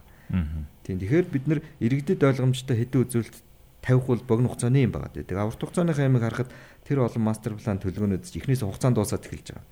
Азийн хөгжлийн банктай, JICA-тай, Дэлхийн банктай, бусад ямар юмтай л зөндөө мастер төлөвлөгөөний эхнийх нь 2020 он хүртэл гэсэн чи одоо 2020 он болсон. Тэр төлөвлөгөө өнгөрсөн. Бүүм мэд. Одоо 2030 он гэн жилээл сунгаад байгаа байхгүй юу. Тэгэхээр миний хэлж байгаа зүйл илүү их тодорхой яг ажил хэрэгжин байх юм бол зүгээр ядаж энэ газар олголтоосоо юмнуудаа зөв эхлэе. Аа. Тэ? Хоёр дахь асуудал нь бол баталсан ерөнхийлөлөөнийхөө хариуцлагыг тооцоо гэж хэлж байгаа. Үр дүнгийн танилцуулдаг тий тоос хариуцлага тооцдог. хариуцлага тооцсон. Хууль дүрмээ зөрчсөнд нь хариуцлага тооцдог ч юм уу. Тэгэхгүй болохоор чи одоо дахиад 10 жилийн өмнө жишээлбэл Ярамгийн тэн дээр чин хувь хүмүүс газар авнаад бүгдээрээ туг барьж хатгаад нэг буян болж ирснийг санаж байна үү те. Тэгсэн чинь 10 жилийн дараа юу болсон бэ гэсэн чинь тэр 5 хүн газар аваад хэд хэдэн гаагаар навцсан байгаа байхгүй юу. Зүгээр л 10 жилийн дотор дээрэм яаж харагдаж байгаа гэж. Иргэнд олддгоо боломж. Иргэнд олдсон боломж байхгүй болоод байдаг. А нөгөө хөгжил боомлж байгаа боломжууд ч бусдад олгогдоод байгаа байхгүй. Тэгэхээр бид нэр дараа нь яаж энэ жишээлбэл ярмаг хавийн төлөвлөлтөөр жишээлбэл сургууль цэцэрлэг нийгмийн байгууламж энэ зүйлүүд ихэн дараа нь төлөвлөх юм. Дахиад бид нар яг энэ хотын төв ингэ шамбаралдуулсан шиг юмыг нисгтээр, ярмаг дээр бусад хотын одоо дид төв гэж яригдаг бүх газрууд дээр хийх хийж байгаа байхгүй хийж байгаа. Тэр газар дээр болохоор нэг ийм санаг. Одоо яг газрын эздийн мэдээлэл бол нээлттэй биш байгаа те. Яг уу улсад бол тэр мэдээлэл нь байдаг. Аа яг энийг нээлттэй болгоод ихлүүл уул нь бол их олон юм гарч ирэх болоо гэж бодоод байгаа. Яг яг газар ашиглалт дээр бол бүсчлэлээр ер нь хөвчлэн шийддэг босд оронд бол яг л нөгөө нэг эхнээсээ өгөгдсөн нэгтршлийн хэмжээ, замын байршил, босод институт энэ бол нэг бизнесийн хороол концепттэй юм. Монголд бол зүгээр нөгөө нэг хуучнараа жоохон бүр байшин машин зураад байдаг. Гэтэ тэрнээсээ өмнө уусаас бүсчил байдгийг. Уул нь бүсчлэлийг батуулах гэж олон жил үзэж байгаа. Тэгтээ одоо батлагдахгүй л яваад байгаа. Тэгээд бүсчил гэдэг концептыг бас ингээд хүмүүс мэдээд ингээд гараад идэх байхгүй. Ялангуяа нөгөө нэг хэсэгчлсэн эрхий төлөвлөгөө буюу ингээд дүүрэг хорооны төвшингийн ингээд төлөвлөлтүүд гарах болгон дээр нарийн тим бүсчил бол гардыг. Тэгээд ер нь бол айгүй олон газрууд гарцсан баал байгаа. Одоо мастер план дээр ч гэсэн байгаа харамсалтай нь яг амьдрал дээр хэрэгжихдээ хэрэгжилтийн явц зүгээр ингээл хаягдчихдаг байхгүй юу. Тэгэл тэр нь гэхдээ би бас нэг хүний ч буруу биш юм шиг байгаа. Зүгээр систем институцийн алдаа тий. Одоо нэг хүн нь энэ дээр нь ингээд зам байх хэвээр юм дээр байшин төлөвлөлтөн нэг хүн мшөөрөнгөө дараагийн үнэ нь нэг хүн мшөөрөхгүй байлаа гэхэд дараагийн хүн мшөөрдөг ч юм ингээ ингээ явчихдаг юм шиг. Тэгэл яг ингээд яг газар ашиглалт үйлдвэрлэл хөрөнгийн одоо development тал дээр бол ерөөсөө л яг зэрлэг капитализм гэдэг шиг юм болж байгаа байхгүй мөнгөтэй хавалдаж чаддаг хүн бол ингээл аргаар олоо авчдаг. А тэгээд эндээсээ болоод ингээд одоо бүгдээрээ хохирч штэ. Тэгээд одоо сүрүүний нийтийн тээврийг ярьсан чинь хүртэл энтэй ингээд холбогдож байгаа. Газар ашиглалтын дээрээ тэр хүн чинь амьдраад сураад одоо үйлчлэгийг аваад явах боломжтой нэг нөхцөл байгуулах хэрэгтэй адил чинь сургуулийн хаягдуулаад цэцэрлэгийн хаягдуулаад эсвэл ингээд эмнэлгийн хаягдуулчингууд заавал нэг газараас нөгөө газараа бүтэн цаг явах шиж тийм. Тэнгууд ингээд босод юмнуудаа шууд нөлөөлчдөг байхгүй юу? Тэгэхээр газар ашиглалтыг хамгийн зөвөр хийгээд газар ашиглалтынхаа тэр бүсчлийнхаа ямиг маш сайн шаардуулждаг те одоо хичнээн өөр юм барьсан байлаа гэсэн за уучлаарай надад чинь тийм зориулт байгаагүй та натаа одоо барыг буулгаад аваа гэдэг л тийм болох хэрэгтэй байхгүй. А тэгэхээр яг манай үндсэн хуулийн нөгөө хувийн өмчийн юм дээр давж орж ирээд тэгээд ингэж жоох хэцүү болгоч юм шиг байна. Тэгэхээр нэг иймэрхүү бас бүр суураараа хууль хэрэгцээ очроор шийдэгдэх хэвээр зүйлсүүд байгаа. Тэрийг шийдэхгүй бол урагшаа явахд аюу хэцүү. Тэгэхээр яг төрөний миний ярьсан дээр ирж байгаа хгүй бид нар энэ хариуцлага концепц хоёр дээрээ хатуу байж чадахгүй байх юм бол энэ хотод бол залуучуудад байна уу хөгсчүүд байна уу хөргий бүгд нээлгүүл хот болоод байна. Яагаад ингэж нэг долцсон боломж нөгөөд олдохгүй байна уу гэдэг асуудал байхгүй юу? Яг үндэ бол Улаанбаатар хотод амьдарч байгаа залуучууд бол маш олон боломжууд байгаа. Тэ бизнес хийдэг. Тэгээ хөдөө сумандаа чи нэг 5 талах хийдэг гэсэн энд ирэхэд 5000 талхал хийх байхгүй да. Тэ а тэн нэг 5 хүнтэй харьцдаг гэсэн энд 5000 хүнтэй харьцаж аваад чиний мэдлэг мэржээ сурч өгөх боломжууд чи ингээд хамаагүй боломжууд тэ байгаад байгаа. Тий. Тэгэхээр бидний нөгөө хот маань ягаад ийм хажин хүндээ ээлгүй тэгсэн мөртлөө аз жаргалтай гэдэг үзүүлэлт өндөр болоод тань үг гэхээр иргэдний хүртэл ойлгохоо болчихж байгаа байхгүй. Тэгэхээр яг би зүгээр шууд шүүмжлэхээсээ илүү бид засахгүй ингээ маргаашаас эхлээд засах ёстой л байхгүй да. Тэ? Тэр одоо 6 дахь удаагийн ерөнхий төлөвлөгөө энэ төр юм явж байгаа бол тэрийг ингээд одоо өстой зөрчих юм бол хатуу хариуцлагатай ч гэдэм үү тэгж тавьжээж дараагийн дээр дарга цэрэг янз бүрийн сонгуул соёлоор гарсан улсууд нь Гэхдээ энийг айх юм бол одоо өстой том хариуцлагад орох юм байлээ. Энэ хүүхдийн цэцэрлэгийн талбай булааж болохгүй гэдгээ яс махандаа ойлгуулж ээж дараагийн юм руугаа явахгүй бол Яг үнэ. Өмнөхөө яриа суугаад бид нурагш авахгүй нөх ойлгомжтой. А ирээдүйд дахиад өмнөх шиг байгаад их юм бол ирээдүйгийн тухай ч яриа байхгүй болчихж байгаа. Одоо та бол ирээдүйг сая л яармаг одоо нэг хуучин алдаанууд яг давтаад байна гэж байна. Яг үнэ нөгөө 90 донд хэдүүлээ нэг хотод амьдэрч сурдаггүйгээсээ болоод ч юм уу зэрлэг капитализм ирээс явж болохоор за хайдан байшингууд зориултын босоор холгаагаар ч юм барьлаа гэж бодод уул нь тэндээс нэг сурцсан баймаар юм тий алдаагаа ойлгоцсон баймаар. Тэгэхээр давтаад байна тийм. Тэр одоо энэ удирдлага энтерт байгаа улс төрч мөстөр нөхдүүд ойлгосны дараа иргэд ойлгох төмхөр үгүй байхгүй юу? Тэ? А энийг бол иргэдийн одоо оролцоо шахалтаар илүү хурдан ойлгох боломж байна. Түрүүний газрын мэдээллийг жишээлбэл би зүгээр дөлөө хөндцсөн учраас тавьчихж байгаа юм. За чи жишээлбэл нэгдүгээр хорлын нэг байранд байж лээ гэ тэ. Чиний байрны чи хажууд нь 2 3 юм цэнхэр хашаавэг л тэ хоосон тэ. Тэнгүүд чи газрын мэдээлэл рүү аксес хийгээд ингээ ороод үзэж болдог бол үзэнгүүтээ За энэ цэнхэр хашаа хизээ олгогдсон захирамж байна вэ? 2 жил юм ихгүй бол хураадын гинлээ. Өө захирамжийг нарсан чи 20 жилийн өмнөх байж идэг. Окей. 2 жилийн юм байгаа хууль яваа. Хуулиараа 2 жил. Юм юм барихгүй 2 жил яваа. Ашиглахгүй л те зориултын дагуу ашиглахгүй л гэж. Тийм хашаа Монгол Улаанбаатар байгаа л бахал та бүү мэд те. Тэгвэл хоёрдугаарт нь чи өө эн чин 500 м байсан юм байна штэ гингүүтээ чи зүгээр Google-ийн гар утсаа ашиглаад дээрээс нь хэмжиж болж байгаа. Аа. Хэмжээ үзсэн чинь 700 байж болох байхгүй юу? Аа Чи ингээд талбайг нь хэмжиж болж байгаа тий. Google-ийн зураг дээрээс шууд хэмжиж байгаа байхгүй юу? Өөр өөр дэлхийд дарга маргын өрөө мөрөө гэж явуулгүйгээр чи зүгээр гар утсаа аваад шууд хэмжиж. За 3 дугаар чи юу хийж болох вэ гэхээр өө эн чин ийшээ явдаг байсан хороол дундын замыг оруулаад хашцсан. Аль эсвэл цэцэрлэг рүү явдаг энэ замыг оруулаад хашцсан гашаа байгаа учраас гэд 3 дахьт нь чи тэрийг мэдэж авангуудаа дөрөвдүгээрт нь чи шаардлага тавьж болж байгаа байхгүй юу? Одоо энийг энэ барилга барихгүй байгааг нэг бол хураа хуулийнхаа та хураах юм байна. Нэг хоёрдугаард энэ нийтийн эзэмшлийн талбай нэмж хашсан учраас хашааг нь багасгах юм байна. Хоёр тий Тэгээ гуравдугаарт нь чи тэр байрныхаа ойр хавийнхаа улсуудыг нийлүүлээд шаардлага саваа ингээд тавих юм бол тэрийг ногоон байгууламж болгосон ч болж байгаа. Аль эсвэл тэнд дутагдж байгаа цэцэрлэг сургууль барих газар ч болж болж байгаа хгүй. Тэгэхээр энэ хувийн өмчийн тухай асуудлаас өөр шүү. Өөр. Одоо нэг яг хаа иргэдийн гэдэг нь сэдв хэдүүлээ ярина. Одоо нөгөө шийдэл тал руугаа яг жоохон сүүл эсрэг өргөжлүүлээ. Заавал сүүл рүүгээ шийдэл ярих юм уу те. Одоо дарган шиг болох гэдэг шүү дээ. Дарган нар чи ингээ бөө юм болж болж байгаа сүүлд нэг ухаантай юм шиг ярьдаг шүү дээ. Тэгэхээр бид нар тэгмэргүй. Хэдүүлээ шийдэл яриа л гэдэг те. Асуудал байвал зүгээр тэрийг ингээд юм дээр илэрхийлсэн зөв байна. Зүгээр нэг хариуц тал дээр дахиад нэг зүгээр зүгээр хувийн би зүгээр одоо явган зорчигч хүний хувьд хэлэхэд Зүгээр явгооны зам дээр явж исэн чи яг тэг гол дээр нь цайхан нэг шин шонгийн бод ирсэн байгаа байхгүй тий. Тэгэхээр яг тэрийг тойроод одоо машины замд руу гарч иж одоо тэрийг тойрж гарах шаардлага. За дээрэс нь одоо бүр нэг нэг мод бүр ингээд бүр таглаад ингээд хариуд төлөө наатахаа ингээд бид нөгөө арга нар юм уу эсвэл тухайн барилгыг барьж байгаа хүмүүс тэнэгдээ ингээд идэг гэж боддгоо эсвэл иргэдийг тэнэг учраас эднэр ингээд идэг гэж боддгоо одоо сүүлийнх нь бах та. Иргэд одоо энэ дээр байсан ч одоо яахчгүй штэ, эсэргүүцэхгүй штэ, тэмцэхгүй штэ гэдэг болохлаарэ зүгээр барьчт юм болов. Эсвэл цаана боддог байх уу зүгээр л хамгийн амархан хямдхнаар яаж хийж болох вэ гэдгээл хийж хэддэг байх. Би ер нь Улаанбаатарыг ингээд байгаа байдлыг харахаар яг эдийн засгийн шийдвэр юм байна шүү дээ. Хамгийн хямдхнаар хамгийн их ашиг олох ямар шийдлүүд байна? Тим маягаар байшин бариад, тим маягаар зам бариад, тим маягаар орчноо байгуулдаг. За тэгээ тендерийн хулгай молгоо яриул бас тийм дэндээ байна. Ерхэд бол эдийн засгийн шийдлүүд. Тэгэхээр жишээлбэл эдийн засгийн шийдвэрээс илүү хөл дүрмийн хэрэгжилтэн чухал өстэй тий. Чи мөнгөгүй бол яах гад одоо тийм хүний толгой дээрээс унчхмаар хямд төсөр юмар байшингаа өнгөлдөй хүн алах гэж л байгаа байхгүй. Чиний мөнгөгүй барилга барьж байгаа хүн ойлгож байна. Гэхдээ чамайг хүн алах гэж юм ч ойлгохгүй шүү дээ. Тэр бэлта 20 жил наалдах байсан бол 2 жилийн дараа хүний толгой дээрээс унвал яах юм бэ те. Ажил тэр төрөний чи шонгийн мод ингээд дугуйн зам руу орсон гэдэрэл ярьж штэ тий. Эн чин заавал нэг юм болж дарга нар ойлгох гээд байдаг байхгүй. Одоо би зүгээр ёр шиг хэлчихье тий. Тэр зам дээр нэг ингээд тосол болонгод яаж сүржигнэх бол тий.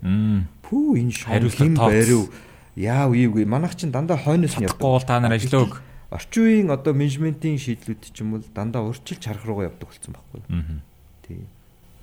Тэгэхээр бид нэр дандаа нөгөө болсныхан дараа бөөн дарга нар яриад бөөн па энэ байшин хизээ барьчвэ гинт гайхаж маах хэрэггүй байхгүй. Энийг бид нар бол иргэдийн оролцоо өөрсдөө иргэд бас нэг талаас итгэвч өстой хоёр дарга нар дээр нь хариуцлага тооцох хэрэгтэй. Яг үүндээ чи хотын энэ 20 30 жилийн хөгжлийн түүхэнд жишээлбэл хотын хөгжил гай болсон гэдгээр хариуцлага тооцсон түүх мэдхүү.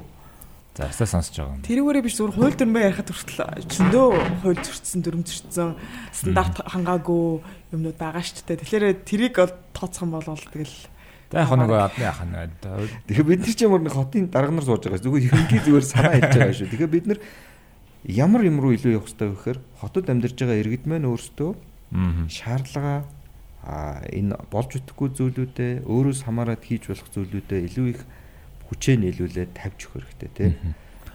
Танаа хүүхдийн цэцэрлэг рүү явдаг замыг жишээл хин нэгэн хүн гинт нэг өглөө болсон чи ингээд хааж байгаа бол цэцэрлэг рүү явдаг эцэгчүүд нийлээл тэмцэх хэрэгтэй. Энэ сошиал платформ гэдэг чинь хүмүүс зөвхөн одоо юу гэдгийг дарга цэрэгнэр мэддэг мэдээлэл биш нийт иргэд мэддэг ийм боломжийг бий болгоцсон. Тэгээ энэ боломжоо бид нэр ашиглаад өнөөдөр жишээлбэл улаан цайм цэцэрлэгийн газар гашаад авах хүн бол одоо бараг л байхгүй болчлоо нэг нэг үйл гэдэг би тэгжил ойлгож байгаа. Аа тэгэхээр энэ одоо дараагийн шат руугаа явах хэрэгтэй байхгүй юу? Одоо минь ганц нэг ингэ жишээ юм байна л да. Улаан цайн одоо бүр ингээд газрыг нь одоо юу гэдэг цэцэрлэг талбай саадыг ингээд толгаалаад орон сууц ярьсан ч юм уу те. Одоо надад мэдгээр ганц хамгийн сүүл надад толгоонд байгаад байгаас юу бол жишээ бол Яалаа өргөлөөр ярих чинь. тий миний нэг жиргсэн дээ одоо Твиттер дээр харсан. дэлхийн Монголын хамгийн өндөр усаа өргөл үргээ те одоо ялтын урталт яг Тэнгисгийн шууд. зураг мурагтай те бүр ингээд тэр том самбар дээр зураг тавьсан. чинь ихрийн Э? би чамд хэлээд хөө. За, Харин хэд хэдүүл гой гой хитэн жишээ ярив. Дөрөн замын баруун урд уулзууч бас усаа өргөлөөр байсан шүү дээ. Тэр чинь тэг бүр Аа. явцдаа осол гараад нэг залуу өнгөрсөн шүү дээ. А би бол зөв хүмүүсийг уриалахдаа тэр байшингаар бити үйлчлүүлээрэ гэж хэлт юм аа. Би бол яг үнэ одоо тэр чинь бүр би нэрийг нийлчих бүр MN Tower гэх нэртэй те ялтын урталт гэдэг нэг шилэн байшин байгаа. Тэнд байгаа одоо нэг хідэн хідэн банкны нэр байсан, кофе шопны нэр байсан. Тэднээс одоо юу бодож тэнд хүн алдсан байшин гин ороод те. Хүн алдсан дэлхийн хамгийн өндөр усаа хэрэглэр гэдэг байгаа ш. Өөр ямар гоё хідэн гоё гоё жишээнүүд ярил. Одоо иргэд маань ягаад гэхээр нөгөө нөгөө байш- байшин барих гэж бас нэг 2 жил болно. Эхэндээ нэг жоохон өө чи яачлаа ш тэгээд хоёг бартчдаг Төлөө үстэй. зүгээр ийн- би ч хөлбөмбөг дуртай учраас хөлбөмбөгийн талбаануудыг хар. Тэгэл та. За чи тэгээд хөлбөмбөгийн энэ 10 жилийн сургуулиудын хөлбөмбөгийн Аа. талбаануудыг зүгээр очиод хар. Одоо миний мэдгийн Орос 3 бол нэг те хөлмийн талбаанаас нэг хэдийг нэг хэсэгчлээд нэг ятсан байгаа. Ерөөсөө нийтлэг. Ихэнх газар ихэнх сургуулийн хөлбөмбөгийн талбай юу болж хувирсан бэ гэхээр нэг ажилчдын орон сууц гэсэн нэрийн дор. Тэр тухайн үеийн захирал нөт юм уу дарга нөт юм уу газар мазараасаа чөлөөлж өг тэгээ нэг 5 3 ажилтан орсон юм уу тэрийг ч мэдэхгүй тэгээ ихэнх нь одоо тэгсэн ба. Хуучин бид нар мэдж байгаа шүү дээ. Бүх сургуулиуд хөлбөмбөгийн гоё талбайтай байсан. Аа. Бүр ихтэй сургууль Тийм нэг стандартаар те одоо байдаг стандартаар шүү дээ. байсан. Одоо тэгэл энэ энэ ас холдоо хинд их муу гэхээр бидний тэнд сурж байгаа хүүхдүүдийн эрүүл мэнд тэрний дагалдаж гарах нийгмийн зардлуудыг бид нар өнөөдөр хинч мэдэхгүй байна. Аа. Яг үнэ. Эрүүл мэнд Хохирол бол боловсролын асуудлууд Шууд босоод маш их 5 аваа 10 жилийн дараа гарч ирдэг те. Тэр сургуулийн нарыг хааснаас юу болж байна? Яг үнэ. Тэр сургуулийн хүүхдүүд гадаа биеийн тамир ордгоос хичнээн их эрүүл мэндийн асуудалд орж ийн үү те. Аа. Жишээлбэл одоо сая ингээд манай хүүхдүүд э, англи очиод ингээд сургуульд байгаад ороход те бүх хүүхдүүд өглөө болгоно нэг э, биеийн тамирынхаа талбайг 10-аас 15 тойроод багштайгаа зүг гүйдэг байхгүй? Хичээл эхлэхээс өмнө. хичээл эхлэхээс өмнө. Хм. Тэр тэгээд ер нь бол европчууд их гүйдэгч бид нар мэдж байгаа тий. Тэр гүүн гэдэг чинь хамгийн хүний эрүүл байх наад захын юмыг хангаж өгдөг юм үйлдэл юм байна л да. Хүн гэртээ жижигхэн өрөөтэй байж болно, фитнес явах мөнгөгүй байж болно, тий. Аав ээж нь ажилдаа яваа завгүй байж болно. Гэхдээ тэтэл тэр хүүхдийн биеийн тамир биеийн тамирыг хийх талбай нийгмийн уу сургууль нь хангаа өгч байгаа. Аа. Чи өдөр болгон тийм нэг 10-аас 15 тойрог гүн гэдэг чинь нэг э, фитнес нэг цаг явсантай чинь баг тэнцүү шахуу ийм э, биеийн хөдөлгөөн хийчихэж байгаа. Яг нөгөө би бол нэг асуудлуудаа өшөөж байгаа ярмаа санагдаа. Одоо би өөр дээрээ жишээ ярихад одоо би манай орон сууцны урталт нэг өндөр байшин барьчихж байгаа байхгүй юу? Намайг тэр байшин нөөж орсны дараа нэг жилийн дараа гэхэд одоо тэгэл нэг наргуу одоо на- Тэгээд очоод чиний авсан үйл чиний авсан үйл хөдлөлгөөнгийн үнэлгээнд шууд нөлөөлж дээ. Тийм. Тэгэхээр бид нар өөрсдөө бас шууд одоо орчиндөө амьдрахаасаа гадна зүгээр худалдаж авсан үйл хөдлөлгөөнгөд чинь яг эдийн засгийн нөлөөлөлд орж байгаа гэдгээ баг Манайхан гэхдээ нэг орон сууцныхаа яг нэгэн тодтолтой авсан юм чинь одоо нэг тийм үнэлгээ мүнэлгээ тал дээр Одоо дөлөө бол ин- ингэн л дээ. Хөгжилтэй орны жишгч яаж яваад байна вэ гэхээр одоо бол бид нар чинь хөгжиж орн гэдэг агуулгаар явж байгаа байхгүй юу? 1 м квадратын үнэл хямдхан байвал тэ төсөв мөнгөтэй тааруулаад тэр нэг дөрвөлжин цаймдын дотор орох чинь чиний нэлээд том амьдралын чинь том зорилго болчиход байгаа? За чи энэ бол залуу хүн ингээд дөнгөж гэрэлсэн ч юм уу эсвэл ингээд нэг байртай болох юмсан гэдэг залуу хүн таарж байгаа боловч чи төд бол хүүхдтэй болноо. Аа. За хүүхдийн сургууль байна уу гэсэн чинь байдгүй. Тэг яг үнэ. Би бол байна уу гэсэн цэцэрлэг байдгүй. А өрхийн имлэг нь хол юм орох юм уу гэсэн байдгүй. Гэмт хэргийн гаралт өндөр юм уу бага юм уу гэсэн бас байдгүй. Автобусны буудлаа хайч гэсэн. Ингээд чи нөгөө дараагийн хэрэгцээнүүд чинь чиний наад авсан үйл хөдлөх буюу 10 15 жилийн моргэж чамааг уйж байгаа энэ үйл хөдлөхтэй чи ингээ холбогдоод ирэхээр чи сүулдэ толгооргоо шаах байхгүй юу? Би юу авцсан юм бэ? Тэ юу авцсан бэ? Тэгэхээр энэ нөгөө түрүүн алдраа ярьжсэн нөгөө бүсчилсэн хөгжил хотын бүс энэ төр гэ тэ тэр хаана очиж холбогддог вэ гэхээр саяны одоо нийтийн аа, дэд бүтцүүд ямар байна вэ гэдэг. Хүн болгон авдаг үйлчлэг юм. жишээлбэл одоо сая ингээд юу гэдгийг урд нь бид нэр ингээд Манчестерд очиод ингээд байр түрээслээд ингээд харангууд үйл хөдлөлтөр эйженсинүүд чинь санал болгож байгаа байхгүй юу? Ийм ийм бүсүүд байна гэж байгаа. Энэ бүсүүд юугаараа ялгаатай вэ гэхээр Цаашаа ингэж хөгжнөө. хөгждөхөөсөө илүү яг л нөгөө нэг юм хоёр жил түрээслэж байгаа хүн санал болгож байгаа юм яг л нөгөө яг тулцсан юмнуудыг санал болгодог байхгүй юу. За энэ бүс дотор бол гимт хэргийн гаралт өндөр учраас нь жоохон хямдхан байд юм аа. Чи тэгээ тэр нь юу гэсэн үг вөхөр цаад утгаараа чи энэ тэрвээ байр байшин аваад түрээслээд ингэх юм бол өөрийнхөө өмч хөрөнгө аюулгүй байдал мэдэл жоохон зардал мөнгө гаргах security камер энэ төр тавиулах юм уу те? Ийм юм болно шүү гэдэг юм учраас юмхан байгаа гэх те. Тэр витгий хэл тэр витгий хэл чи ингээ гэрээ 7-оос 2-7 хоног орхиж морхиж явахдаа үн цэнтэй зүйлүүдэд хадгалдаг warehouse-ууд нь энд байгаа шүү. Ойлгож байна үү те? Өөрөөр гемт хэрэг хүний өмч хөрөнгө гэр орноо орхиж явах энэ төр гэдэг чинь ингээ харилцаа үүссэн байна шүү дээ. Бүх юм нь ингээ шийдэлгүй юм бол байхгүй. Аа тэгээд дахиад тэр жишээлбэл жоохон үнэтэй бүсдэр юу байх вэ гэхээр энэ бол улсын хэмжээнд сургал сурлагынхаа чанараар эхний тэдэд чагсдаг. Цэцэрлэг нь тэдэд чагсдаг. Тэ нийтийн тээврийнх нь үйлчилгээ Мгм. 30 минут тутам биш 15 минут тутам явдаг энэ төр гээд яг чи тэнд очиод ингээд яг чамданаа бариад амьдрахт чинь чиний тавигдах шаардлагуудыг наазах нь хангацсан байхгүй. Гэтэл өнөөдөр Монголд байр авж байгаа хүн жишээл тийм шаардлага ярд юм уу залуучууд маань. Жишээл цэцэрлэг нь хаа байна, гимт хэргийн гаралт хаа байна те. Сургуулийнх нь чанар нь хэдүү энэ төр тийм юм ярихын аргагүй хөөрхөн эднэр маань 1 м квадратаас нэг 100 мянган төгрөг хямдхан байвал нүдэн анаал тийшээ дайрдаг дээр явж байгаа байхгүй. Тэгвэл энэ чинь удахгүй 5 10 жилийн дараа тэр хүний үйл хөдлөлийн үн бусад нийгмийнх нь тэндээс авч болох валюнууд харах хэрэгтэй болчихж байгаа. Одоо тэгээд яг энэс үүснэг асуудал бол одоо гэр хорооллын дахин төлөвлөлтөөр баригдаж байгаа байшингууд бол ерөөсөө орцсондоо айгүй олон айлтай нэгтэршилхтэй гаднадл ба юуч байхгүй. Одоо нөгөө үгээр хэлэх юм бол гето гэж нэрлэдэг шүү дээ. Тиймэрхүү Тийм. болох байгаа байхгүй. Тэгээд одоохондоо яг болж байгаа. ядуусын орол шиг үү. аа, би яаж яг тэр хэлдэг нь дургүй.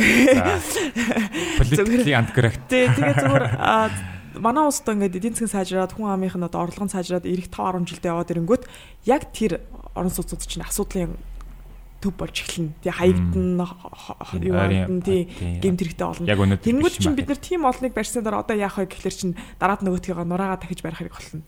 Тэгээ тэр чинь газар чинь хязгаарлагдмал нөөц байгаа. Тэгэхээр тэр чинь хашиглах хэрэг гарна. Тэгээд тэр чинь одоо барыг дахиад ирээдүйд бүх асуудал болж байгаа байхгүй юу. Тэгээд э, тэгэхээр чинь бас тэгэл нэг орон сууцны стандарт юмнуудыгаа бас шаардж байгаад явуулахгүй болвол энэ яг зүгээр нүхэж байгаа юмнууд бол явах хэцүү Зүгээр нарны жишээ ярихад одоо жишээ нар тагалж болдоггүй гэсэн нэг тийм хууль байдаг. байдаг. Угаасаа тэр чинь яг ба- барилгын стандарт Манай уртлын барилга бол тэгэл хууль бус юм Одоо энэ баг барилгын стандартыг ингээд норм дүрийг бүрэн ба- баримталж байгаа юмнууд айгүй цөөхөн л баг. Ер нь манай стандартууд бол амар их заяа. Хот хотын ч барилгын юм дээр. Гэтэ яг тэр нь хөвчлээ ингээд Оросоос зурхуулаа тавьсан ч юм уу нэг тийм сони юмнууд идэм билээ. Би тэр стандартын заримыг үзээд бүр зочирдсан шүү дээ. Бүр ингээд ерөөсөө хаанч сонсоогүй хэрэглэгдэж байгаагүй сонь сонь юмуд орцсон. Нь Тэгээд 100000 хүнд ногдох автомат тоглоомын газар 100000 хүнд ногдох хүүхдийн сүүний газарыг ингээд авчдаг заяа. Тэр одоо би Эсвэл нэг социализм нэг эсвэл Тийм сонин газараас ингээд хуулаа тавьсан. Тэнгүүт нь нөгөө нэг норм дүрмийн чинь зарим нь ингээд угаасаа нэг цохимжгүй хэрэггүй юмнууд ангууд ингээд хаягдчихдаг. Тэгээ нэг ингээд хин шийдэж байгаа ингээд хэдүүлээ мастер планаа хэрэгжүүлж чадахгүй яаж одоо Харин тий. одоо ингэж байгаа байхгүй юу? Би бол зүгээр бидний энэ нэг уламжилж ирсэн юмнуудын хэрэггүйг нь одоо хаях цаг болсон байхгүй юу да. Тэ тэдэн хүн даа одоо тэр биш тэр чинь бол хүний тоон толгуурлж исэн биз дээ тэ. Одоо бид нар нөгөө хүндээ тааруулсан дид үтцээр суурилсан төлөвлөлт рүү шилжих хэрэгтэй болчихж байгаа байхгүй юу да. Тэ түрүү яг хөө тэгээ санаа тэгэл харагдаад байна л. да.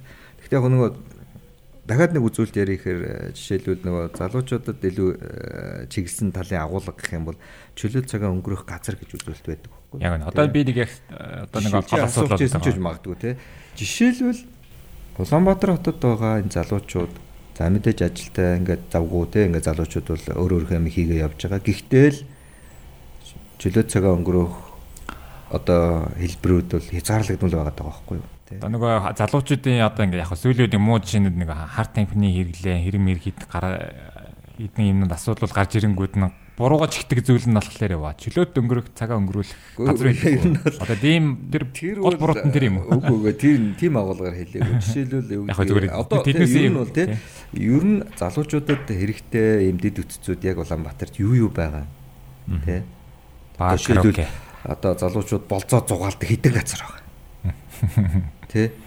Хідэн кино чадраас өөр юм байна уу байхгүй юу? За За өвлөнгүүд Sky Resort-оос өөр юм байна уу байхгүй нэ тий.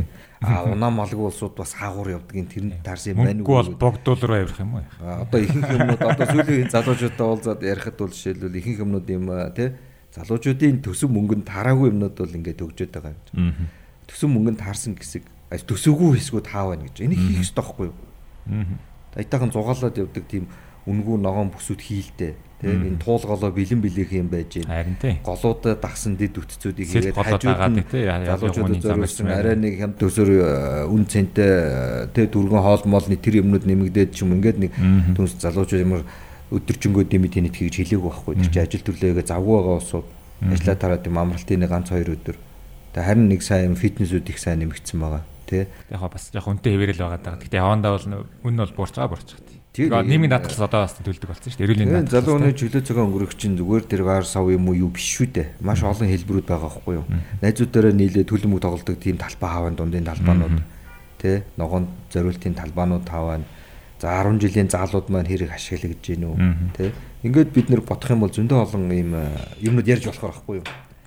За хэдүүлээ одоо тэгвэл а, шийдэл тал руу оръё. Одоо а, яг уу хуучнаа хуучнаас боддог гэж яс буруу бах. Ганц зөрөө сайхан сайн жишээнүүд байна те. Одоо ихтлгүүрээ циркийн Фонтан. хооронд фонтаныг бол яг иргэдмаа тэмцэж байгаа. Тэг чин бас хил мэдээлэлээс зөндөө бас те харлуулжсэн тэднүсийг одоо те. Фонтан ер нь жоохон Тий. яг би тэрэн дээр яг Монголд ирж таарсан. Тэгээд уянгаагч бид нар яваад фонтан дээр бол яг айгу бас э, хамаагүй анхаарлын төвд байдаг хотын төв хэсэг. Тэгээд тэр авийн хүмүүс чинь яг тиймэрхүү Би яг тэнд өссөн учраас миний оролцоод маш болохоор сарцсангүй гайг байсан. Тэгтээ бас яг эсэргүүцдэг групп бүлэг ингээд бий болчихдаг юм байлаа л да. Тэгээд худлаа мэдээлэл их гардаг юм байлээ. Тэгээд яг хөө тэрэн дээрс би нэг сурсан юм бол яг хүмүүсийг өөрсөнд мэдээлэл өгөө тэмцээгээд явал бас хүмүүстэй хүрээд тодорхой үр дүн хүрэх боломжтой байдаг юм байлээ. А тэгтээ уул нь болоод яг манай хотод бас дүрм журм байдаг байхгүй юу? Нэг юм шинээр одоо ногоон одоо олон нийтийн талбайг ч юм уу ямар нэг юм хийхээр болвол тэр оршин суугчдынх нь санал Аа. аваад 80-аас дээш зөвшөөрөхгүй биш 80-аас дээш зөвшөөрөл 80 70-ын хайлныг Тий. юу юугаар өөр яваад тий яахгүй бол болдог ч юм уу гээд а тэгтээ тэрийг бас хэрэгжүүлэхэд аяга асуудалтай байд юм билээ. Биднээс яг санал асуух гэдэг ирэнгүүт тоо баримтгүй ийм нэг тамга тэмдэггүй цаас тараагдаж мараагддаг ч юм уу тий. Тэгэхээр ингээд нэг ийм ойлгомжтой юм шиг хүртэл ойлгомжгүй айгу хэсэгтэй. Тэгээ тэн дээр ингээд айгу их хүч хөдөлмөр одоо ингээд олон талаас нь үзчихэж үр дүнд хүрдэг юм билээ. Тэгэхээр бас яг би иргэдийг бол идэвхтэй байв, ингээ vigilant, ингээ юмд оролцоод мэдээлэл аваад бай гэж хэлдэг. Тэгтээ бас яг нэг ингээд Арга замын байнга хийгээд байнга явах бол нэрээ. Хэцүү ажил хэлээ. Ер нь айгу би тэрний дараа 2 3 юмд бас оролцсон. Сүүлдээ байгалийн музей дээр бас те тэр чинь өдөржингөө бас үүдэн дээр зогсоод чадахгүй юм шиг Яа те. тийм чи ийм э, нийгмийн идэвхтэй хэсэг чи өөрөө ажил төрөлтөө завгүй хүмүүс байдаг байхгүй юу. Тэгэхээр энэ тодорхой асуудлуудыг гаргаж ирээд хойноос нь явна гэдэг чинь нэлийн завтай үний ажил болох гэдэг байхгүй юу. Тий. Тий. Тэгэхээр яг энэ дээр нэг жоохон зөрчилтэй үүснэ. Гэхдээ өнөөдөр юу сайн гэхээр биднэрт сошиал платформ байж гэн мэддэг мэдээлэл авах боломжууд нь илүү их нэгдэлтэй байж гэн. Нэгдэж нийлэх боломжууд чинь Мгм. сошиалаараа хүртэл жагсаал хийж болж штэ тий. Тэгэхээр нэг үе бодвол биднэрт бол хамаагүй ийм оролцох боломж нь бол нэгдэд өгцөн. Тэрэн дээр нэмээ хэлэх юм бол энэ нөхдүүд энэ шийдвэр гаргадаг нөхдүүд чинь бас өөрхий хуурахгүйгээр улгаа хийдэг байсан бол одоо ч бас нэг яаж тэрийг бас нэг нууж хадаг болох уу те ингээ бас нэг тэрний бас эффект нь хаана очиж ийн нөхөр тэр бас ажил хариуцж байгаа залуучууд дотор шудраг залуучууд бас гараад ирсэн байна улга дарга нь улгаа хийх улгаа хийдэг гэсэн бол одоо чи өөрөө улгаа хий би улгаа хийхгүй гэдэг хэлдэг болсон байна. Тэг энэ ингээ дараагийн нэг шат руугаа яваад байгаа байхгүй. А бид нар сайн дүрм журмууд байгаа байгаа. Би дөрвөлээ шүү Яг манад бол цаасан дээр бол 20 хэм он хүртэл 30 он хүртэл 40 он хүртэл гээд зөндөө төлөвлөгөө цаасан дээр бол аж аргалтай бат шүү те манайх. зөндөө олон юм байгаа. Бид нарт бичиг цаас норм стандарт бол би бол цөөцсөн гэж хизээч. А энийг хэрэгжүүлэхэд маш хэцүү гэдгийг бол бүгдээрээ мэдчихэж байгаа. Тэгээ хэрэгжүүлэлт яагаас сулардггүй гэхээр хариуцлага тооцохгүй болохоор л хэрэгжилт байдаг байхгүй юу? А тэгээд нөгөө хариуцлагын болохоор зөвхөн их мэдлэлтэй хүмүүсүүдийг одоо та нар өөрсдөө хариуцлага тооцоо шүү дээ. Иргэд маань өөрсдөө тэрийг нөгөө те нэгтгэх бүгд жиг дээрээ таацах. жиг дээр за окей окей. Энэ дээр нөгөө нэг аргууд юу вэ тэгвэл? Одоо нөгөө нийслэлийн хэрэгцээ байдлын тухай хуулийн аврын чуулганаар арах байх. Тэгээд энэ дээр бол хот дээр нөгөө тодорхой асуудлуудыг хэн хариуцаж ямар хариуцлага үүрэх хүлээх үү гэдэг зүйлүүд явж байгаа юм билээ. За. Тэн дотор ч э, газрын биржийн тухай юм байж гэн хот бонд босгох эрхийн тухай ч юм уу ингээ хот маань өөрөө бас илүү цаашаа Бас нэг их мэдлэлтэй болох хэрэгтэй шүү дээ. хөгжих одоо одоо аймгийн төвийн дэтэл авагдчихсэн газар маань одоо ингээ илүү их бие дааж өгч эдийн засгийн төв гэдэг жинхэнэ утгаараа хотод шаардлагатай хөрөнгө оруулалтыг босгоод хотод илүү хэрэгтэй зүйлүүдээ хийх ч юм уу те төсөв мөнгөний хязгаарлалтаасаа яаж гарах уу тэн дээр зөв менежмент ашиглах энэ гэсэн олон ойлголтууд явж илээ. Тэгэхээр тэр үл ингээд нэг талаас сайжруулах байх. А тэн дээр хариуцлагын асуудлууд бас орсон байлаа. Өмнөх юмнуудад бол тэр зүйл бол бий л болж харж байгаагүй. А сая сүүлийн төслийг харахад бол тийм юмнууд орсон. Надад бол их дэвшилттэй санагдсан гэлэг ихтэй хичнээн сайн хууль дүрэн байлээ гэ тэрийг сайн ханьж хөндлөнгөөр мөрдүүлэх нь чухал болохоос биш сайхан энд тентгийн төсөв мөнгөнд өгөө зөвлөх мөлхүүд авчраа гоё төсөл бичүүлэх үл хэний ч хийж чаддаг л ажил. Гол нь хэрэгжүүлэх нь бас хэн болгоны хийдэг ажил биш болчиход байгаа. Тэр талаас нь иргэд маань илүү сайн олцсон зөв баг гэж хэлж байгаа. Тэгэхээр за тэгвэл ойрын одоо чинь яг одоо нэг том дэвшил бол тэр эрх зүйн байдлын тухай хууль шинжлэгдэж байгаа. Тэрүүн тайлаа нөгөө одоо нийгмийн идэвхтэй одоо тэмцдэг улсууд маань бол ажилгуудаа биш те. Харин ч илүү ажилтай учраас илүү бас нийгмийн идэвхтэй оролцдог учраас идэвхтэй байгаа. Гэхдээ өдөржингөө тэмцээд байж чадахгүй тийм ээ. Тэгэхээр бас иргэдэд маань бас бүгдээрээ л ерөхийн ажил төрөлтөө бас бас нэг нэг тэмцэгч юм уу эсвэл хяналт тавих одоо шахалт үзүүлэх тийм бас аргууд хэрэгтэй шүү дээ. Одоо сошиалтаа нэг гоё хэрэгслэн гэж хэллээ. Одоо гоё гоё аргууд одоо фантан дээр одоо ямар одоо зүйлүүд нь факторууд нь нийлсэн учраас энэ дээр амжилт төрсөн те жишээ нь а а фонтан дээр бол яг хаа тэгэл олон хүн хүний л ер нь за дээрэс нь 100 байсан учраас тийм тэгээд бид нар яг бас харьцангуй тэр чи итгэжүүлэх гээд ашиглах гал ингээл оролцсон л доо концерт менцер зохион байгуулад. Яг надад бол яг тэр юм гэсэн шийдэл байхгүй. Би бол зүгээр ингэж юу гэж боддог гэхээр энэ яг хотын төлөвлөлт одоо хотын орчин юм чи яг газартаагаа орчинтойгоо шууд холбогдчихдээ шүү дээ тий би хувь хүнээрээ хотын эргэн тойронд юу болж байгаагаа илүү анхаарахаас илүү ядаж өөрийнхөө яг амьдрдаг орчныхоо эргэн тойронд юу болж байгааг баян анзаарч ивэл айгу зүгээр юм шиг байгаа. Олон хүн тэгж чадвал одоо юу гэдэг нэг хороонд нэг мянган тэрийг ингээ анзаарч чадаад одоо нэг нэг сошиалар нэг танигдаад болох юм байна. Эсвэл одоо блоккороо ч юм уу. Манай хотхонд нэг ийм болох гээд байна, эргэн тойронд ийм болох гээд байна. Энэ сул газар байсан чинь ингэх гээд байна гэдгээ анзаараад тэрэнд ингээ тухай бүрд нь эртнээс ингээ араас нь хөдөлтөд хянаад шалгаа яваад байвал нөгөө vigilante гэдэг нь шүү дээ. Тэгээд яг ингээд нийтээр явах боломжтой. Түүнээс биш одоо 1 2 хотын төлөө идэвхтэй идэг хүн нь Улаанбаатар даяараа тэрийг ингээд яа нэг л дийлэхгүй том ажил ахгүй юу. А би тэгээ сүүл бас бодсон чинь одоо бусад ерөнхийдөө нөгөө нэг Transparency International гэдэг шиг ингээд ил тод байдлыг ингээд дэмждэг нэг төрийн бас байгууллага иргэний нийгмийн юмнууд байдаг. Яг манай хот дээр бас нэг жоохон тиймэрхүү юмыг дутагдaltaа санагдаад байна. Яагаад л одоо яг энэ байгалийн түүхийн музей фонтан дээр болоод яг эрх зүйн хууль эрх зүйн орчингийнх нь зөвлөгөө авах гэхэлэр хуульч олох хэрэгтэй болно. Тэр нь ингээ бас пробоно явагдах хэрэгтэй болно гэдэг ингээ нэг асуудал гараад ирдэг. Тэрэн дээр ажилтдаг яг иргэний нийгмийн одоо ингэ санхүүжилттэй мэдээлэл иргэдэд өгдөг. Танаа энд чинь байр ингэж байж болохгүй наа чинь хууль их зүгээр ийм ийм хийж орчино гэд иргэдэд зөвлөгөө өгөөд иргэдэд цаашаа юу хийх ёстойг ингэ тайлбарлаад өгдөг тийм байгууллагууд бас миний бодлоо дутагдаад багш санагдаад байдгийн. Тэгээд тэр чинь ингээд жигдээд ирэнгүүт чинь бас кейсүүд үсээ түүх бий болоод ингээд жигдрээд ойлголттой болно шүү дээ тий. Аа тэгээд ирэнгүүтээ бас жигдээд ирнэ. А тэгээд нийтээрээ тэгж чадвал бас манай хэрэгжилтэн дээр ч гэсэн илүү нэмэртэй. А дээрэс нь түрүү ярьсан шүү дээ одоо төр дандаа тийм хүмүүс байдаг юм а юма хийхийг оролдоод байдаг. Тэгтээ бас чаддаггүй болдгоо юмнууд байдаг. А тийм учраас одоо ингээд нэгэнт за одоо энэс хойш ингээд хэрэгжилтээ хийгээд эхлэе гэж бодвол бас өмнө нь хэрэгжээгдээгүй одоо байгаа юмнуудыг яаж шийдэх вэ? Одоо grandfather ч гэдэг юм уу? Эрхийн ингээд одоо өргөд энэс хойш ингэж урагшлаа гэдэг нэг тийм нэгдсэн шийдэл түрээд бас явж болох байхгүй юу? Би одоо жишээлбэл бүх одоо нөгөө нэг зам дээр барьсан шангийн мод юу?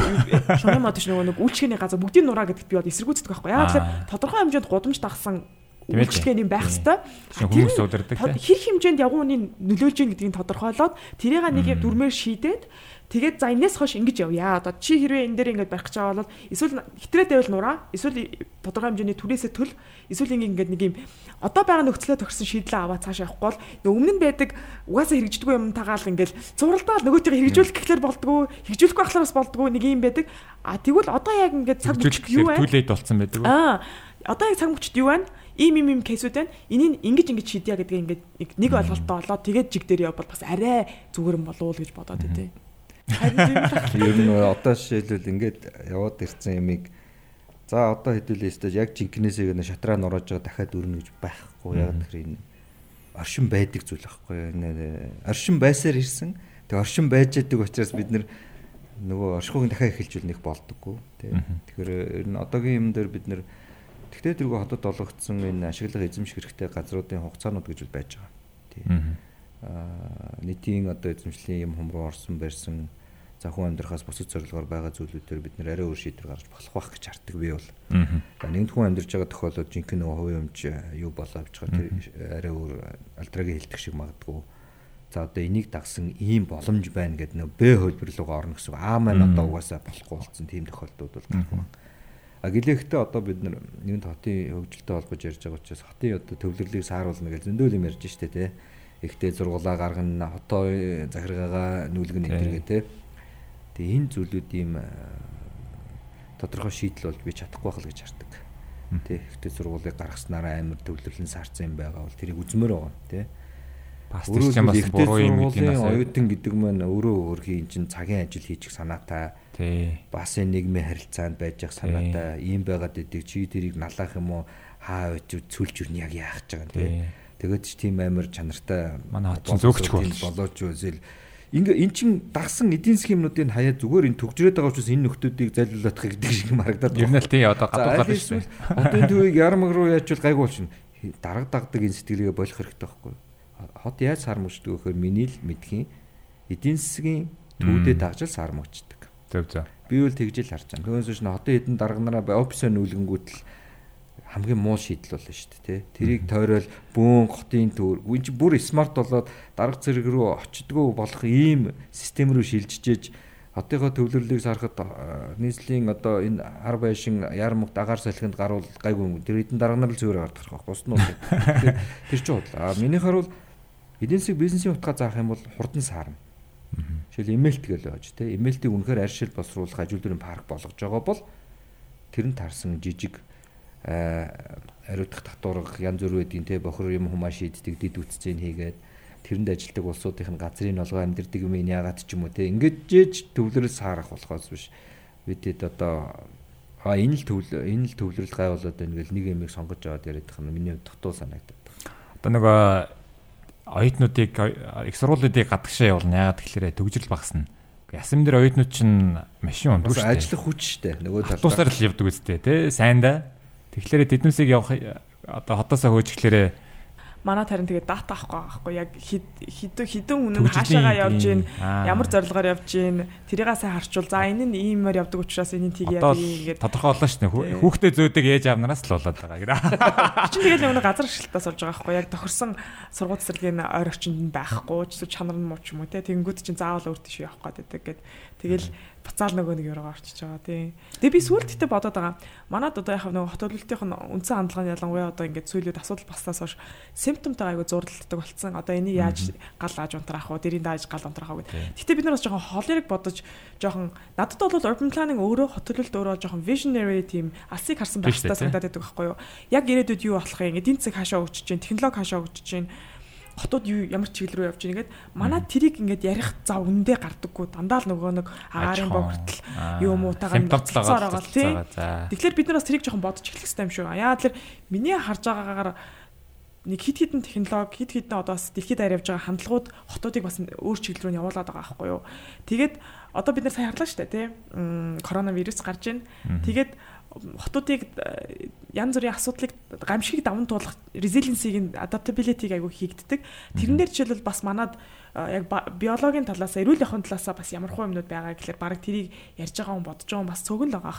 А яг нэг үе бодоход харьцангуй нөгөө ногоон sustainable чиглэл рүү их ярьдаг болсон манад 2 3 баримт бичиг гарч байгаа. Тэрний яг газар дээр буух нь яах нь харж байна те. Тэгтээ Иймэрхүү маягаар юу бодож эхлэхгүй бол бас бид нэр ингээд уртгатайгаа явж идэл маа бүр хол хоцроод байгаа санагдаад байдгийн. Тэгээд э, одоо угаасаа хоцорсон хөгжлийг нэг талаасаа бараг технологиор ч юм уу ямар нэг шин шийдлэр илүү хурцсах ч юм уу сайжруулах бас боломжууд байж магадгүй гэж хараад байгаа. Бага гэж хэлээгүй. Гэтэ тэрийг бас харж яхын зүг байх. Тэгээд Тэгэхээр бид нар бас бүр одоо ирээдүг харах хэрэгтэй байхгүй. Одоо тэгээ залуучууд ихтэй манах шиг хотод болвол тэр залуу хүмүүсийн амьдралын хэв маяг ямар байна, ямар болохыг хүсэж байна те. Тэр чинь одоо нэг хэдэн жилийн дараа хамгийн гол хөдөлгөгч хүч болж байгаа юм чинь. Хүүхдээ зөөдөг хүмүүс олон штэ нөгөө залуучууд. Тэгээ тэр чинь тэрийг ингээд бид нар бас яг хараад тэрнийг тохируулаад тэрийг аль болох оптимал маягаар нь шийдэж өгвөл бас манай хот гайгүй л гэж бодоод идэв шин. Одоо нөгөө түрүүн одоо яг нөгөө шийдэл тал руу ярьж байгаас нөгөө иргэн хүмүүртэй завгүй одоо иргэн бүр яаж оролцох одоо бас нэг аргууд гарч ирж штэ. Одоо Батышгаа хэллээ. Одоо хоттой холбоотой нэг тийм тий хотын эрчим байдлын тухай хууль ингээд хэлцэх юм байна. Тэрэн дээр нас мигдэ санал шүүмж хэлэх хэрэгтэй. За бүр наад захын зүгээр надад зүгээр хамгийн ойрхон эргэн бүрт байдаг зүйл нь бол юу санагдаад байдэ. Одоо сууц өмчлөгчдийн холбоо гэж нэг юм байна. Одоо яг тэр чи одоо нэг тийм бас услөржүүлээд байгаа. Гэхдээ надад бол энэ бол хамгийн ойрын одоо арчлалын арчилсан улсад амьдарч байгаа иргэн хүний хувьд бол хамгийн одоо иргэний үүргээ одоо юу гэдэг биелүүлж болох нэг тийм боломж нь сууц өмсгөлийн холбоо буюу одоо юу гэсэнд одоо нэг тухайн амьдарч байгаа байшныхаа парламента ерөнхий сайдаа томилж байгаа асуудал шүү дээ. Тэ одоо том том одоо их хурл мэх хурл гэж хүм болгонд нэг толгоонд нь буухгүй шүү дээ. Чи одоо бол сөөхөлөөс үргээ гүйцэтгэж байгаа шүү дээ, тийм шүү дээ. Яг бид нэр идэвхтэй оролцдог ч гэсэн ерөнхийдөө тэр байр байшингийн ашиглалт, хүлчилгээ гэдэг зүйлүүдийг хамгийн одоо боломжит зардлаар хийж байгаа л гэж харж байгаа. Гэхдээ мэдээж хэрэг тухайн орсон сууж байгаа иргэдийн хүсэл юу юм? Их л юм хүсэх юм бол мэдээж мэдээж их л ажил хийх хэрэгтэй. Түр засгаас бүх юм л хийлгэмээр идэх шиг адилхан сөөхөөсөө бас л адилхан юм өсдөг баг. Тэг яг залуучууд бол тэр мөрнийх анхаарах юм их л баг байдаг. Зүгээр байр байр авахдаа сөөхөхийн зардал хэрэг хэд гардыг ингэж нэг л асуудаг. Устаар бол нэг. Ер нь гэхдээ энэ сөөхөн бүтц өөрөө зөв ажиллаж байгаа газар бас байгаа шүү дээ.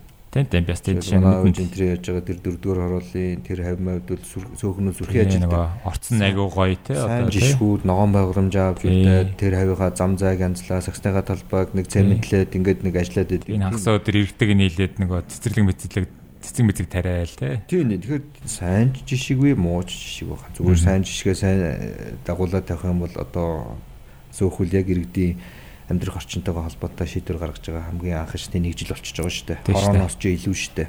Сүүх гэдэг нь илүү жижиг нэгж учраас тий. Аа тэр төрийн үйлчилгээ өргөдөх хороо энэ төр ч юм бол яг тийм юм дээр за өстө өсрээд нэг газар савны хэрүүл мөрүүл болоол хорон дарга нэг гарч ирэхээс биш бусдаар бол яг тэр иргэдийн юун дээр бол би бол нэг сайн орцгүй байх гэж харж байгаа. Бас нэг төрийг бодвол нэг тийм юу шүү дээ. Одоо байнгын солигддог биш. Нэг 4 жил бол яг тийм sög мөх юм нэг сүртэй оролцдог учраас ер нь яг хуу энэ тентгийн ингээд аав ээж хамаатан садныхаа söгүүдийн ерөнхий юмнуудыг харахад л бол эртээс л харагдаж байгаа юм л да. Муу ажиллаж байгаа нь илтэй ойлгомжтой. Тэ?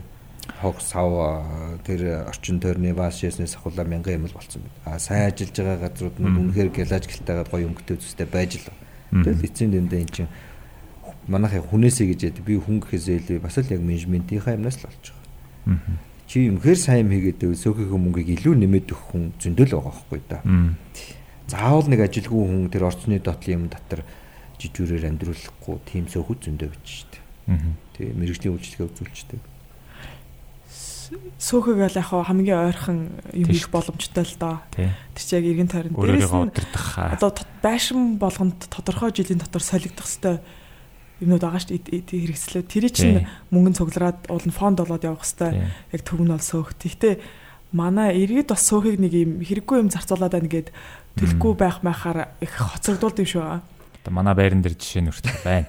Тэгтээ тэр чинь бол яг шүүхээр байдаг гэсэн. Төлөө сөөхийн төв мөнгө өгөхгүй байна манай байранд. Тэгтээ тийм болохоор нэргэд өөрөөсөө сөөх рүүгээ оролцоод энийг юунд зарцуулж гин яаж нээж гин энэ хөрөхгүй байна уу хөрөхгүй бол нэмээд ягаа ингээд ингээд явах хэрэгтэй шиг байгаа. Би нэг түрүү нэг шийдэл ирсэн шүү дээ. Одоо нэг одоо энд ингээд баахан газрын хулгай байна. Одоо зориултгүй хүн алдаг хүн алдаг байшин бариад байна. Энд чинь нөгөө нэг том тэмцэл боловч манайхаа ч нөгөө жижиг асуудал дээр хүртэл нөгөө гай гар бие оролцдог мөртлөө аюу шүүмжлээд байдаг болохгүй байна гэдэггүй. Одоо яг хөө гэхдээ бас нэг үе бодоход нэг юм э, оролцоог хангах гад нэг технологи дээр үндэслсэн юмнууд бол байгаа байхгүй юу? Одоо жишээ e-police гэдэг байна. Тий одоо нэг чи наадуулаа энэ гоё яриач. Одоо нөгөө иргэн буухан одоо өөрийнхөө утасныхаа цаанаас яаж одоо тэмцэж болох вэ? Одоо шахаж тий. E-police-аар бол яг автомашины хөдөлгөөнд оролцож байгаа дүрм зөрчсөн хүмүүсийг мэдэгдэх боломжтой. А зөвөр яг аппликейшн гайгүй ажиллаа гэхдээ зарим тохиолдолд явж их мовж их явцтай айгүй ажиллахад жоохон хэцүү юм бэлээ. Гэтэ яг зогсоолоо буруу тавьсан ягууны замыг тавьсан хүмүүсийг бол репортлоход бол бүрэн боломжтой тэгээд яг торгуул тавьдаг явж байгаа. Яг тэгээд торгуулын төлөгдөх хэсэг гэдэг дээр бас нэг асуудал байгаа. Тэрийг бол яг бас дараад нь ба. А дээрээс нь Smart UB гэдэг байгаа. Тэрэн дотор бол одоо орон нутгийн хөгжлийн сан гэдэг хорон орхон дээр орчноо сайжруулахад мөнгө зарт товлогдсон байсныг одоо яг иргэдийн саналаар юун зарцуулахаа шийддэг тийм байгаа. Яг тэрний саналыг бол одоо интернетээр бас авдаг болоод байгаа юм байлээ. Тэгэхээр ингээд нэг нэг сайжирсан юмуд гарч ирээд байгаа. А тэрнээ сайн оролцоод тэгээд бас одоо нөгөө нэг юу байгаа штэ. Check my service гэдэг бас нэг app байт юм байлээ. Тэн дээр болохоор яг энэ тентгийн асуудлыг ингээд бас хилдэг. Гэхдээ яг тухайн бүрд нь хурдан шийдэж чадах нь бас л эргэлзээтэй. Гэхдээ олон хүн тэрийг ашиглаад одоо нэг асуудлыг ингээд бүр яг ингээд яриад ирвэл бас анхаарал өртөх боломжтой. Шийдэгдсэн нэг нэг кейс гараад ирвэл те нөгөө нэг яагаад эхлэн шүү дээ. Тэ. Одооных нөгөө бас нэг JSG exclusive нэг гэдэг шүү дээ нөгөө юу лээ ямар трафик биш трафикийн Traffic policy гэдэг. Traffic policy гэдэг нөгөө Удалжинд та бас 6 7 жилийн өмнө л хийж ирсэн. Та нэг JSG бас баян хүн болохоор би ч бас JSG яллаа. Мөнөө нэг салбар хийгээл тэгээд замын цагтаа төгсөн багш тэр групп бай. Тэр групп чи өөрөө бас л яг саяны e-policy чийдэ онд ч гарсан. Тэр ч юм бол анхных нь баггүй. Тийм ээ. Цагтаа бид нар уулзаад Facebook группийг ашиглаад ингээ хий.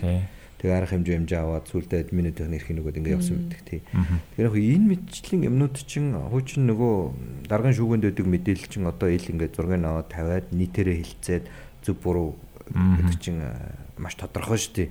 Э, Зөв нь бол дандаа л олон байдаг шүү дээ. Юу ямар ч тохиолдол. Тодорхой шууд нөгөө ягууны зам дээр машин тавьсан болоод хинч марахгүй шүү дээ. Зургийг аваад тавиал те. Тийм замын хөдөлгөөн чинь тэрнээс бол өчнөө сайжирлаа шүү дээ. Бид нэр одоо бас э, хаамаа намаагүй хүний ягууны зам дээр машлаг дээрээ тавихаас бол жоох ухаантай нь болцсон шүү дээ одоо бол.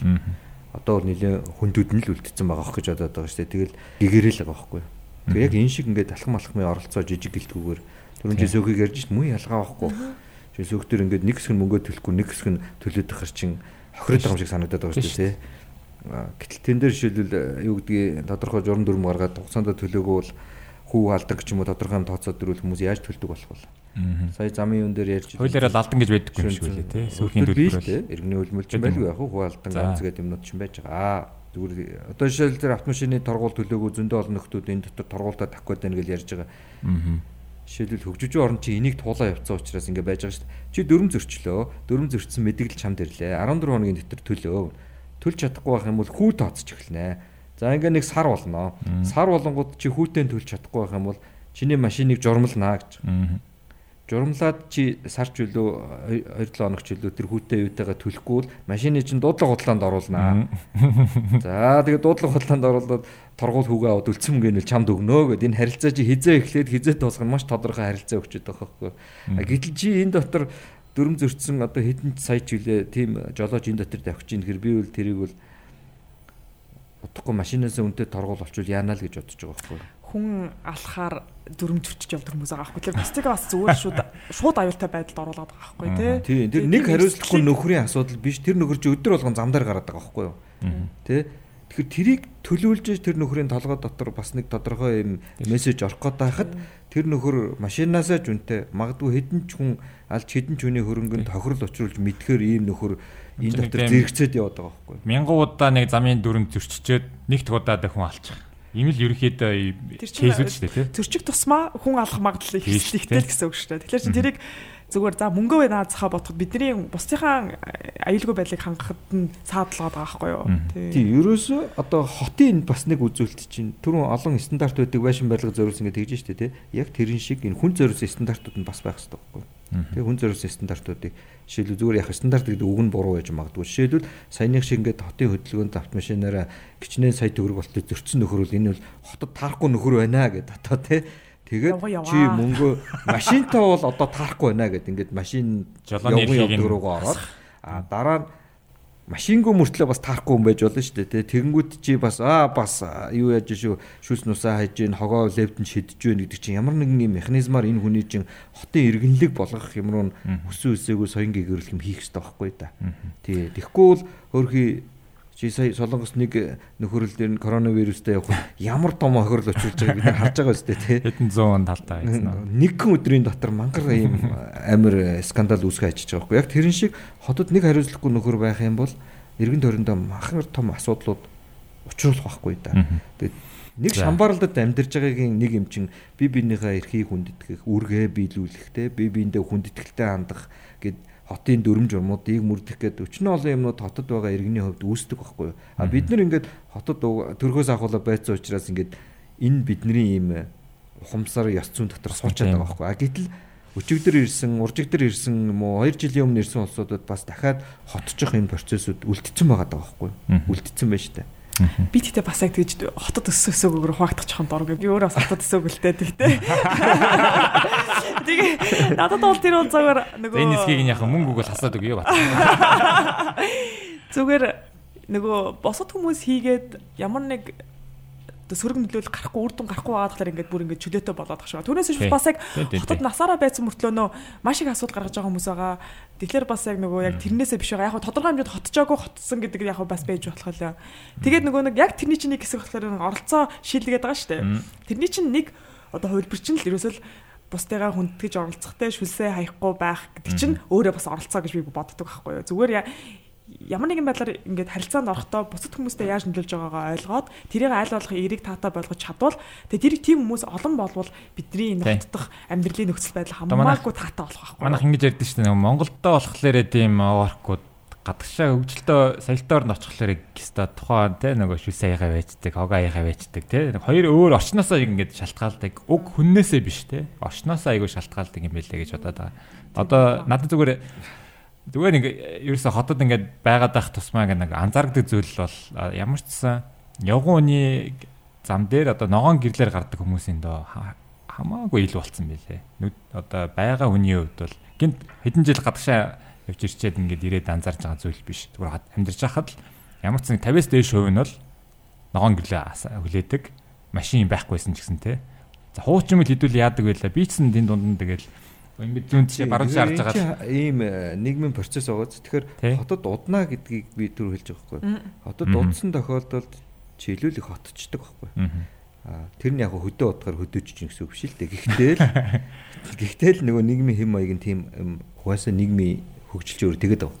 Жишээл ингээ Японд жишээл 2 жил байхад чи жишээл би жишээлбэл те Японы нийгмийн ерөнхий баримжааг ингээд хин нэгнээ заалахгүйгээр хараад. Жишээ аваад маш олон бичигдээгүй дөрмүүдийг чинь сурчиж байгаа байхгүй тий.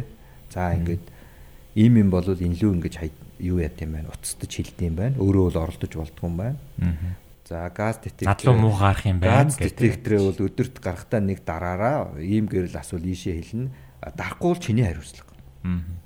Магадгүй бүр хүн алдчих магадгүй учраас Тий, те. тэгэхээр газ алдагдж гин үгүй юу гэдгийг чи яг л дарагч шалгах хэрэгтэй гэдэг үүргийг чинь чамд өгж байгаа байхгүй. Чи тэгжээж тэр нийт байшингийн янз бүрийн юмыг болж бүтэхгүй болгочихгүй шиг болгоч та. Хогоо хаяхта 3 англи шүү. 3 дахь өдөр өглөө 8 цагаас тэрийгэ 5 дахь өдөр тэрийгэ гэд ингээд тавьчих. Чи энийг л дагна. А чи 4 дахь өдөр аваачаад буруу хог аваа шидчих юм бол чамаг чиний хогийг чинь буцаагаад юуруу чин үдэн чи авчаад жинхэнэ тавьчихж байгаа. Чи хогоо ялгаж сураагүй итгээд байна. Энийг хин нэгэн бичээд юм уу? Хөө хинэ ингэж хэлээг байхгүй. Чи нийгмийн өгөгдсөн ийм юмнууд байгаа байхгүй. Хотод амьдрахын юмнууд чинь. Тэгэхээр бас энэ дээр яг анзаагдаад болохоор бас нэг юм байдیں۔ Яг нөгөө одоо яг ягууны гарц байгаа шүү дээ. Манай хотод бас ягууны гарцыг сайн хүнд таатай чадаагүй байхгүй юу? Айгу хол зайтай, айгу бага минуттай. Тэгэхээр бас манай хотын орчин нөхцөл бид нарыг нөгөө нэг хилдэгэр бол оргчих бас илүү болгоод багш. Би бол энэ дээр эсрэг хараа. Энэ Хангамж бас байх хэрэгтэй байхгүй юу? Одоо ингэж За хэрэлдээд ирэл. Жишээ яг хэрэлдэхээсээ илүү жишээлбэл бид нар ингээд би мөнгөгүй байгаа учраас ингээд талах хулгайлцсан гэдэг шиг сонсогдоод байгаа байхгүй тийм биш биш. Одоо яг одоо жишээгээр яриа заяа. Одоо яг юуны урдаас аа, гүр, витамин гүрээ Монисийн цаатлын нэг гэрлэгүү гарцгаа. Тэрнээс цаашаага доошоо яваад бараг 120 Тий. орчим километр гаруй 120 бол гарцгаа зөрөлдсөн байхгүй шүү дээ. юу? Тий. Тэр чин бол зүгээр л наад захын явган үний зүгээр ямар ч юмыг алаа ицсан. Би айгүйх яваа явдаг. Тэгээд шуудангийн урдах гэрлэн тохоо. Тэрийг бол өглөөдөө бол зүгээр яг машин зориулаад 20 минут гацаадаг улаан Тий. гэрлээ. Тэнгүүд хүмүүс улаан гэрлээ явж эхэлдэг байхгүй юу? Хүн чинь бас ажилдаа явтаа бас юмд явж байгаа штэ. Тий. Тэгээд тэр гэрэл асахтаа би одоо залуу ингээ бүтэн битээ хүн баг гүйж гардаг байхгүй юу? Тэгэхээр чин бас манай нөхцөл өөрөө бас яг биднэрт Тэгэхээр хин зориулсан хот үеийг Тий. нь ойлгомжтой. Тэгэхээр Шинэ зориулсан. Тэгэхээр бид нар бас тэрийг ч гэсэн шаардаж авах хэрэгтэй байхгүй юу? Тэгээд бас би бол 100% бас улаан гэрлээ гарлаа чиний буруу чи өстө хамгийн муугаад тахаас илүү бас нөгөө талаасаа яг боломжийг өгч чадчих нү гэдгээс бодох хэрэгтэй юм шиг байна. Тэгээ би яг л тэг жоохон тэр талаас нь бас аль аль таагаа. Гэхдээ Би бас анзаараад бүрийн кил бол аль аль талтаа л гэж. За. Одоо ер нь Таныг хэлэхээс өмнө би нэг та хоёрт нэг даалгавар өгөх гээд байгаа. Одоо юуны подкастын маань цаг маанаас дуусах төгсөж байгаа учраас манай нэг юу байгаа. Ярьж болно. Би нөгөө подкастын нэг уламжлал болгоод яваад байгаа зүйл бол манай зочдоос сонсогчдоо санал болгох ном асуудаг шүү заяа. Тэгэхээр та хоёр а нэг санал болгох ном за одоо хин сонсож байгаа л голдуу бол залуучууд л байгаах. За одоо тийм ном бодож байгаа заяа. Тэгээд та тэрний яриагаа өргөжлүүлээрэй. аль болох одоо э, болж өгөхгүй зүйлүүдээ одоо мэдсэн, ойлгогдсон, Тий. зөндөө олон бичиг заас норм дүрм байгааг ойлгогдсон, сайжруулж явах ажлаа бас ойлгогдсон. Бүгдээрээ л ухаантай болоод тахгүй да. Одоо бидний э, хамгийн гол зүйл бол хэмжээд хариуцлагачих асуудал байна. Хэмжээд хариуцлагачих асуудал тий. Хотод хотын иргэдэд тулгамдсан асуудлыг хэн сайн мэдгүй, хотын иргэд сайн мэднэ. Хин шийдэх үү мэдээж шийдвэр гаргадаг нөхдөд шийдэж тарч. Тэгээ энэ хоёрын хоорондын харилцаа илүү их ойр нэгт болох тусмаа. Тэгээ энэ бол даргын үдэнд очиж ойчрлоод гэсэн үг биш. Сошиал платформуудыг сайн хөгжүүлээд нээлттэй хот ч. Би одоо нэг ухаалаг энэ төр гээд тим тим ярихын оронд манай хот бол нэрэгчлэл нэг нээлттэй хот ч гэдэм үү тим юм тавиал бүх юмаа нээгээд бүх боломжуудаа нээж өгөөд болж идэггүй асуудлуудаа тэр сувгаараа аваад те нэлээд юм харилцан хамтын ажиллагаатай ийм юм хийх юм бол арай байдал илүү их сайжрах болов уу гэж харж байгаа. Жишээлбэл 11 11 гээл байгаа тий. Одоо жишээлбэл болж идэхгүй юмнуудыг хэлээл энэ тэнд гацсан бичиг цаас энэ бол маш их хэрэг болж байгаа шүү дээ. Тэр бас хуулаараа тэд оны нотор хариу өгсөй тий. Тэр киоск машин байгаа. Аа. За энэ тэнд очиод очирлол авдаг бичиг баримтуудыг одоо 90 миллион шуулаар 1500 төлөөл авчиж чинь энэ сайн болж байгаа. Энийг жишээлбэл яг ингээ харах юм бол автобусны тэр смарт карт байна. Энэ жишээлбэл ухаалаг хотын нэг тал байж болох зүйлүүд байхгүй юу да. Тэр чинь нэг өмнөх засагч нөгөө смарт ситиг л нилээ явсан бас хэд хэдийн юм ухаалагжуулах үйлдэлүүдийг хийсэн л байгаа бодтой тий. Энэ бол бас ололттой юм. А энэ явж байгаа хөгжилтэй юмнууд чинь бас ололттой юмнууд бас байгаа. А гэхдээ бид нар илүү хурдан баймаар байна тий. Илүү хурдан энэ асуудлуудаас ангиж ирмаар байна. Жишээлбэл ганцхан утааг яриад 20 жил өнгөрч болохгүй л ахгүй да. Энэ одоо чинь мангар олон асуудлууд байна шүү дээ тий. Цэвэрлэх байгууламж нь ямар байх юм? Иргэд цаашдаа ямар хэм маягаар амьдрахыг дэмжих юм? Машиндаа зориулаад байгаа мó? Нийтийн тээврээ сайжруулж байгаа мó? Энэ олон асуудлуудыг жигтгэн ингэж авч явахгүй бол зөвхөн 2 3-ыг анхаарал тавил нөгөө асуудалч үлдсэн хэврэл улам хоцрон шүү дээ. Улам хоцрон. Аа тэр дагуур хотн тэр найч юу? Тэ одоо хотын төвлөрөл хаашаас арах юм хаана илүү их бизнесийн боломжууд дэд үтцүүд бий барьж байгаа болгож байгаа тэн дээр чи хүмүүс ямар бизнес очиж хийх юм? Хот ер нь ямар бизнесийг хотоос гаргах юм? Ямар бизнесийг хотод хийхийг дэмжих юм? Тэгээ юу дагсан хөрөнгө оруулалтыг хот хийх юм? Энэ олон шийдлүүд урагшаа харсан шийдлүүдээ одоо гаргаж ирж иргэдэд мэдээлэхгүй бол жишээл хотод юу гэдэг аюултай янз бүрийн илүү их хог хайдал гаргадаг. Энэ үйлдвэрүүд хотод байх хэрэггүй болчихж байгаа. А Дээрүүд бол тийш хотын захад байсан юмнууд ч одоо хотын төв болчиход байгаа шүү дээ. Тэнгүүд юм, аюултай хортой янз бүрийн бодис сав энэ янз бүрийн хог хаягд гаргадаг энэ үйлдвэрүүд хотоос гарах хэрэгтэй байгаа. Одоо бараг энэ цахилгаан станцууд ч хотын төвд байдаг. Хот дотор байх ёстой нь юу? Илүү их оюуны багтаамжтай, ноу хавтай, технологитой ийм бүтээмжтэй юмнууд нь хот дээр илүү үлдээд. Одоо жишээлбэл бизнес хийх гэж байгаа улсуудад нэг тодорхой шийдэл гаргаж. Тэнгүүд хотоосоо гараа гингүүд хаана ямар дид үтцүүд хийж байгаа? Энийг хэлчих юм бол хүмүүс заавал өндөр үнээр гадарсаа худалдаж авахаасаа илүү өнөөдөр дахиад нохоо аж ахуйгаа хаана хийх юм те логистикийн төв мөв тэрийг дагсан бизнесээ хаана хийх гэдэгт өөрчилж харж болж байгаа байхгүй одоо тэгсэн чинь манайх чинь яг тийм шийдлүүд чинь байхгүй байгаа байхгүй Одоо нөгөө хариуцлж хариуцлуулах тал дээр нөгөө иргэдийн оролцоог нэмэгдүүлэх гээд одоо алдраа төрөнд дурдаад өнгөрсөн нөгөө орон нутгийн хөгжил зориулсан төсөв гэж хардаг. Би 20 оны төсөв дээр 1 их 80 төгрөг ерөөхдөө улс даяар шүү. Аа тэгээд тэрнийх нь 1 их 80-ийнх нь 70% нь болохоор аймаг нийслэл а 30% нь болохоор сум дүүрэг гэж хуваарлж өгөх юм байлээ те. А энийг болохоор хуулиараа нөгөө иргэдээс санал асуугаад хамгийн их санал авсан одоо цэцэрлэг барих ч юм уу те одоо зам тэр бол яг нөгөө орчны тэрэн дээр нөгөө нэг яаж оролцох уу гэдэг. Тэр бол яг орчны засал яг сургууль засрагч болохоор нөгөө нэг юу ярьсан. Цэцэрлэг төрөлн маягийн юм Аа ярьсан тий шүү. тий тий окей. Хоёр нэг хоёр зам, утгатай мам, байна. Тий, тий. Тамиржуулалт, гэрэлтүүлэг гэх мэтчлэн тийм нөгөө public realm тал руугаа явж байгаа л да. Тэгээд smart UB гэдэг. Тэгэхээр тэр нь одоо их санал асуулга нь арай нэгдэг байгаах. 3 сарын 1-ээс 4 сарын 1 Тийм хүртэл гэж Тий, агшуулсан. тий, ер нь яг одоо энэ одоо хэлнэ гэдэг. Тэгэхээр тэрүүгээр саналаа өгч болно. Аа Ямар ямар одоо чинь жичээ одоо нөгөө юу гэдэг одоо годомжинд гараад нэг юм юу түрүү нэг 100 м 200 м радиус тодорхой тий. Аа тэр тэрийг бол яг нэг нарийн өгөх боломжгүй юм шиг. Миний ойлгосноор бол одоохондоо бол нөгөө нэг олон сонголтуудаас сонгоно. Өгөгдснөөс.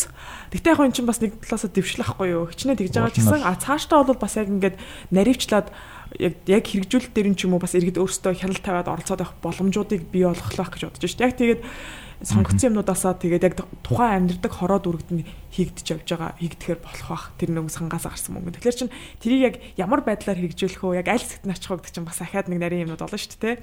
Тэрэн дээр одоо иргэд бас өөрсдөө оролцох боломжуудаа асууж яадаг сургалдаг ч юм уу те мэдээж хэрэг хороо хороо юм дээр одоо өөр өөр явах байх. Энэ нэг үр дүн ч юм одоо мэдгүй нэг олон нийт хариуцлага тооцох юм уу эсвэл нэг хэмждэггүй зүйл нь бас магадгүй. Энд уул нь хуулиараа ингээл нөгөө иргэдээс санал авъя те уул нь бол гоё цаасан дээр бол гоё те одоо арчлал марчлал ингээл хүм болно одоо одоо төр ярих юмд нэг өөр боломж өгöd нь шүү дээ. Гэтэ нэг оролцоо тал дээр өөр нь жоохон таар байдаг учраас Энэ мөнгө чинь нэг их 80 чинь бас нэг баг мөнгө шүү дээ. Мөнгө шүү дээ. Зүгээр яг би оролцоо ингэж Монгол болохоор оролцоо гэхэлэр нэг санал суугаад болчдаг гэж жоохон хязгаарлагдмал болттой харьцангуй нөгөө нэг социализмын үеийнхаас авчдаг шиг байна. Гэтэ оролцоо гэдэг чинь за эхлээд ярилцлаа. Хоёрдугаарт нь нөгөө төр зэгч бас өөртөө тулгарч байгаа асуудал боломж хязгааруудаа бас ярилцаж ойлгох хэрэгтэй байхгүй юу? Харилцан нэг нэгнээсээ суралцаж ойлгоо. За одоо нэг ийм нөхцөл төр юм байна.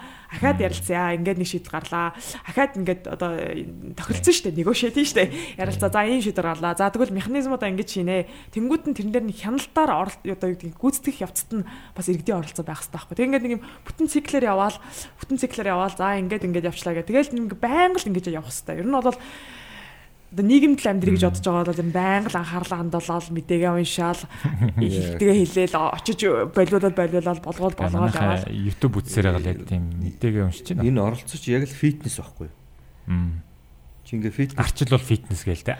Үгүй оролцож чи фитнес гэж би боддог байхгүй юу? Одоо ингээд чи фитнес зүгээр бүртгүүлчихэл гэртээ суугаад байвал юу ч өөрчлөгдөхгүй шүү дээ те. Тэгээ тент чи ингээд ялцчихвэл өдөр тутам алхам тутамд оролцох хэрэгтэй. Одоо чи би сая санаж л байна. Тэр туулгын бургас мургас гээл нэг хэдэн залуучууд лайм ав хийгээл ийм юм хүм яриад явж байгаа. Одоо хайцсан. Аа. Байхгүй. Өөрөлдвөл ямар нэгэн даргын хаалга мөргөөл тэгэл дуусчих واخ. Аа. За миний л мэдхийн хүүхдийн парк аврыг гээл хит хитэн нөхдүүд гарч ирэл ярьдаг. Хайцсан. Хүүхдийн парк аврагдсан уу? Аврагдаагүй. Тэгэхээр юу вэхээр ийм юмнууд ч юм бас иргэдийн оролцоог мохоодог байхгүй юу? Ямар нэгэн эрх ашигын дээр хөтлөгдсөн, ямар нэгэн юм дээр очисон ийм юмнууд чинь нийгэмд эрүүлэр органикаараа гарч ирсэн иргэдийн оролцоонуудыг унтраахад хортоогоор нөлөөлдөг юм аа. За чинь байгалийн музей дээр бол хамгийн сүүлийн миний мэдгч байна. Participation fatigue гэж бас байгаа. Одоо санал асуулга авахтаа хүртэл одоо гэр оролцох нь чинь ингээд янз бүр юм оч асуусараа сүлдээ яг адилхан юм тавтач асуусараад залхаагаа ийцсан өмнөх нөө түүх байхгүй мэдхгүй. Нэг өмнөх юу чинь юу болсон ингээл те. Тийм. Тэгэхээр одоо жишээлбэл юу гэдгийг парк аврыг нэг нөхөр гараад дөрвөл. За энэ нөгөө дөрөвдүгээр хувилгаан гэдэг шиг. Аа нэр өө нэр дэвших чинь. Тэгэхээр энэ өөрөө нөгөө талдаа бас хортой юмнууд чинь энэ нөхгүй юу. Нийгмийн оролцооны энэ юмыг э, байхгүй болгодог зүйл чинь тэр юм. Аа гэхдээ нөгөө талдаа ийм дордгоо хэсэг чинь бол одоо залуу хөвшин гэхэ болчих зүгээр ихтгэл үнэмшилтэй хэсгэл болцсон байгаа. Тэгэхээр ихтгэл үнэмшилтэй тийм оролцоонуудыг илүү хэрэгтэй хэрэгтэй болж байна тийм. Би одоо ийм дугаараад одоо яа. Өнөөдөр туулгал байдгаар байна уу байна. Бургас нь хэдэгдээр хэдэгцэн үү? Хэдэгцэн байна. Байшин барьж гин үү барьж гин. Үгүй энийг одоо мэдхгүй юм байхгүй хараагүй юм байхгүй. Тэгээ энэ чи яагаад нөгөө яг нөгөө жоохон сөрөг тал дээр дуусах гэдэг байгаа учраас одоо тэгвэл яах одоо нөгөө яаж тэгвэл гоё дуусгая л да яах. Одоо нөгөө participation fatigue-ийг яаж шийдэх юм бэ? Зүгээр би яг ингэж бодоод байгаа. Зүгээр л ингээд бодчих. Одоо угаасаа ингээд бид нэр Улаанбаатартай байгаа. Энд чинь амьдран. Тэгээд үр хөвгт чинь энд байна. Тэгээ ясаа тайван. Одоо legacy гэж ярьдэн шүү дээ. Өв. Тэрийг бодох хэрэгтэй байхгүй юу? Одоо бизнес хийдэг хүн байна уу? Байшин барьдаг хүн байна уу? Би яадаг те зүгээр ажилтан байна уу? Ялгаагүй бодоод үз. Тэгээд үр хөвгт чинь юу үлдэх гэдэг гэдгээ бодоол тэр хүмүүс чинь хамгийн урт өөрөөс чинь хойшоогоо яг энэ бүр муудаж байгаа нөхцөлд чинь амьдран. Тэрний төлөө та юу хийж чадах вэ гэдгээ бодоол алхам бүрээ экстра биш байгаа. Би бол зүгээр бодоод бизнесийн ч гэсэн одоо хангалттай тогтворчсон бол бодох хэрэгтэй байхгүй. За би энийг ингээд хийжүүл миний оо legacy юу ах уу? Ингээд хийжүүл ах уу гэд жоохон нөгөө наацхан хэрэгцээдээс жоохон цаашаага бодож эхэлцгээе л гэж бодоод байгаа. Тэгээс ахуулаад нөгөө нэг 90 донд нөгөө нэг оо бизнес эхлүүлээд баян болчоод хүүхдүүддээ яваа өгчөөд би нэг юм одоо одоо л ус их хорн болохгүй ингээл телевизээр гараад нэг тиймэрхүү болох бас болохтэй. Тийм ахнаар бол тэгэл гоё гоё орчин байгуулад иж болж чинь. Яг тэрэнд бол юу яахгүй. Тэр өөрөө нөгөө дотоод сэтгэлээс гарахаас биш юунаас гардггүй идэл баг. Одоо филантропи хийж байгаа усуудыг харахад бол тий. Одоо барууныхаа барууныхын храд эднэр чи мундаг том болцоосууд гэдээ яриад байдаг учраас тий барууныхаа болчи одоохондоо. А зүгээр бид нэр илүү их арчилсан шудраг ийм юмыг яахын тулд бид нар хариуцлагаа л сайн ярьдаг байна. Хариуцлага яриад байх юм бол юм их зүв зам руугаа яваад тах шиг Хариуцлага одоо бургас яддаг ч юм уу голын урсгал өөрчлөлөө энэ дээр хариуцлага ярихгүй бол дараагийнх нь өөрчлөл яваад байна. болдгийм байна. Өнөөдөр чиний боломжийг булаацмал маргааш чинийхийг булаана гэдэг ийм зарчим л яваад байгаа байхгүй. Тэгэхээр одоо хэдүүлээ хариуцлагатай болох, хариуцлага тооцдог болох те энэ юм руугаа илүү их явж байгаа. Чинь одоо Тэр үл их сайн зүйл дөлөө. Ер нь бол хариуцлагын тухай. Тэгээ залуучууд би бодоод байгаа. Одоо нөгөө нэг яг бүр залуу залуутай одоо дөнгөж их сургуульд орж байгаа ч юм уу. Тэр хүүхдүүд бол ингээд улс төр нийгмийн тухай мэдээ зэт авах амар дургу болцсон. Бүр ингээд ингээд өөрийгөө залхацаад байгаа байхгүй юу. Гэхдээ яд хүссэн хүсээгүй заах гадагшаа авч болно. Тэгээ зарим нь те. Тэгтэл ихэнх нь Монголд амьдраад Улаанбаатарт амьдран. Тэгэхээр дургу байлаа гэд ингээ хайж болохгүй байхгүй юу. Тэгэхээр тэрэнд анхаарлаа хандуулаад мэдээлэлээ аваад саналаа өгөөд хилээд тэгээ бүр шаардлагатай бол твшээд оролцоод явахаас бүр арга зам байхгүй. Хичнээн дургу байлаа гэд биднэрт өөр сонголт бол байхгүй. Би бол зүйл тэгж л боддог болсон. Одоо тэгээд ингээд дургуугаа ягаад хараагаад зөвхөд бид нэр хөөсөн дотроо бас удаан амьдарч чадахгүй шүү дээ. Ингээд шууд л ямар нэгэн байдлаар дээрээс гарч байгаа шийдэл миний амьдралд шууд ингээд баг өдөртөө нөлөөлдөг байхгүй энэ манах шиг жижигхэн газар бол тэгэхээр бид нэр тэрэнд заавал ямар нэгэн байдлаар оролцохгүй л болвол энэ ингээд сайжрахгүй тэгэхээр тэр одоо угаасаа тийм залуу хүмүүс олон улсад л бол тэгэл залуучуудыг л оролцол гэж одоо гуйхаас байхгүй болчиход байгаа. би ер нь өдөр байгалийн музейг аврахын бас чадлаараа гэхдээ бүрэн бүх чадлаараа одоо юу гэдэг өөртөө юутай байгаа ч гэсэн. Сэтгэл хангалуун биш байгаа ч гэсэн. Оролцож исэн хүний хувьд бол одоо байгалийн музей соёлын өв заад нэг хүмүүс соёлын биш гэдэгтэй эсрүүцчихсэн үү эсрүүцчихсэн те. Байгалийн музейг бол нураацсан аа болд юм байна. Би бол яг нэг газрын хулгайч нарт нэг ямарг байна л да нэг санаа өгмөр зүгээр байшин нураавал өвөл нураах бол зүгээр юм байна те. Нэг тийм өгчөж байгаа байхгүй. Өвөл болохоор чи мэдээж гадаа ингээд цаг ингээд жагсаад ээж чадахгүй учраас ингээд яваад өгч байгаа байхгүй те Тэгвэл одоо дараагийн драмын театр, дүүрийн театр, нотуу номын цаг бол нураах төлөвлөгөө яваад байгаа шүү дээ. Тэрэл байгаа. За энийг бол хэдүүлээд өгвөл өвөл нураач л болох юм байна гэдэг те. Яг муухай юу. заавал тэднэрт нэг шипи өгдөг биш л дээ. Аа хонтоо сууч хонтоо юм л боддог. Би зүгээр яг одоо бидний илүү их эрүүл хэсэг бол би залуучууд гэж хардаг. Эрүүл хэсэг түрүү алдраа хэлжлээ шүү дээ. Эдгээр бол улс төр сонирхгүй, дарга сонирхгүй. Тэгээ ийм улсууд үүсч байна. А, Бас би бараг сарын өмнө бас тийм үеийн рэп дуучин залуутай ажуулзлаа. Бас бизнесгээ явж байгаа. Америкт э, бүтээгдэхүүнээ гаргадаг залуучуудаа ажуулзлаа тий. Бид нар чинь ингээд нэг 30-аас доош насны залуучууд байна шүү дээ. Тэгээ юм 2 3 төлөвлөлтөд уулзаад үзэхэд бол миний дотроо авсан юм бол ямар гоё юм бэ гэж энэ залуучууд үнэхээр гоё юм аа. Энэ яг л ийм тэ ийм залуучууд бол Монголын ирээд байгаа над нэг гэрэлтэй харагдаж байгаа. Хоёрд болохоор аа энэ залуучууд маань хэдийгээр өөргөө ингээ аваа яваад байгаа ч гэсэн хүсээ үсээгөө нийгмийн юмн дээр аа, яах аа, оролцох шаардлага угаасаа гараад ирэн түрүүн дөлөөч ярьлаа алдраач ярьлаа шүү дээ тий амьдрах орчин хүүхэд сургууль энэ бүх юмнууд хүсээ үсээг оролцоод ирэн тийм учраас залуучууд өөрөө энэ эрүүл байдлаа хадгалаа тэр тодорхойсон өмнөөс оролцоод байсан хичээл үү те. Жишээл дараа нь тэр залуучуудаас чинь өр хүүхдүүд нь асууж штэ. За та ингээд рэп дууга дуулаад яваад байж дуугаараа тэмцээлж тий Тэ тийш яг бодтойгоор юу болсон гэхэд хүн нэг юм хэлэх хэрэгтэй болно шүү дээ. Тэгэхээр одоо э, түрүү алдраг хэлж байгаатай санаа нэг залуучууд маань э, зөв зарчим чимний шаардлагын төлөө оролцож явах хэрэгтэй.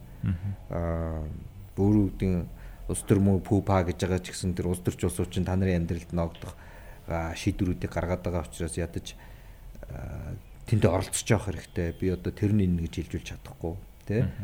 Энэ нь өөрөө ядаж хамгийн наацхан оролцооны чи хэлбэр болчихж байгаа шийдвэр гаргалтанд оролцох юм чинь. Чи өнөхөр өдөр тутам бол ажилтай завгүй учраас тэр байгалийн музей хамгаалахыг гүйж чадахгүй ч гэсэн тэр байгалийн музей нуурах тухай шийдвэр гаргадаг нөхрийг сонгох сонгогдох тухай тэр асуудалд оролцож чадчих байгаа байхгүй юу. Гэхдээ энэ харамсалтай 4 жил нэггүй удаа чи нэг өдөр өглөө жоох их тусчих очоод нэг хүмүүсийг харж агаад арай нэг э, Амралтын өдөр ирээдүйдээ юм чинь яах юм л оролцох. Тэгээ энэ бол маш их том оролцоо байхгүй. Тэгэхээр энэ байдлаар яг хуу түрүүн дөлөө хэл аятайхан юм ярьж дуусгах хэрэг би зүгээр аятайхан гоё юм ярьж байгаа нь тэр хэдүүлээд э, оролцох боломж хамгийн том эрхүүл тэндээ байж байна. Өдөр тутам оролцох юм нь сошиалаараа байж байна.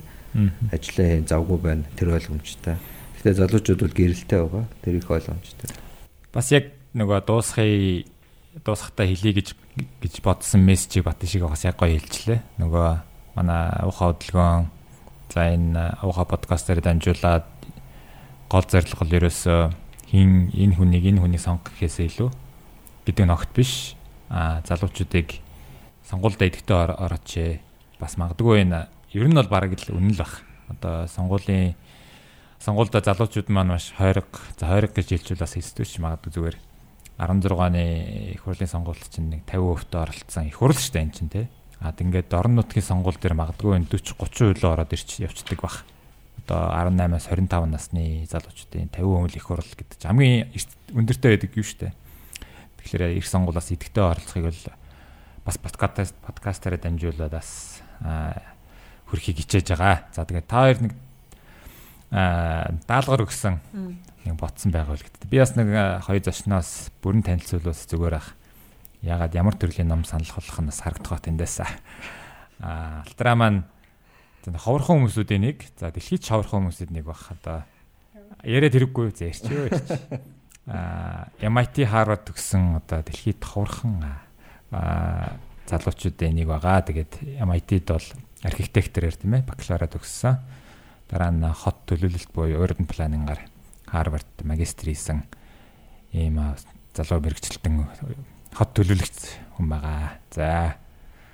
Яасан? Номоо ярих юм уу? Тий, номоо ярьчих. Аа, за би зүгээр яг хоттой холбоотой болохоор нэг уншсан таалагдсан номоо зур дуртжээ. Behind Beautiful Forevers гэд Catherine Boo гэж зохиолч номоо. Энэ болохоор яг юуны энтхигийн одоо за бараг л ядуусын орол гэх юм да тий. Slum дүүрэгт яг ингээд хүмүүсийг дагаад 2 жил яваад тэгээд тэрнийхээ тухай бичсэн одоо non fiction төрлийн ном байгаа.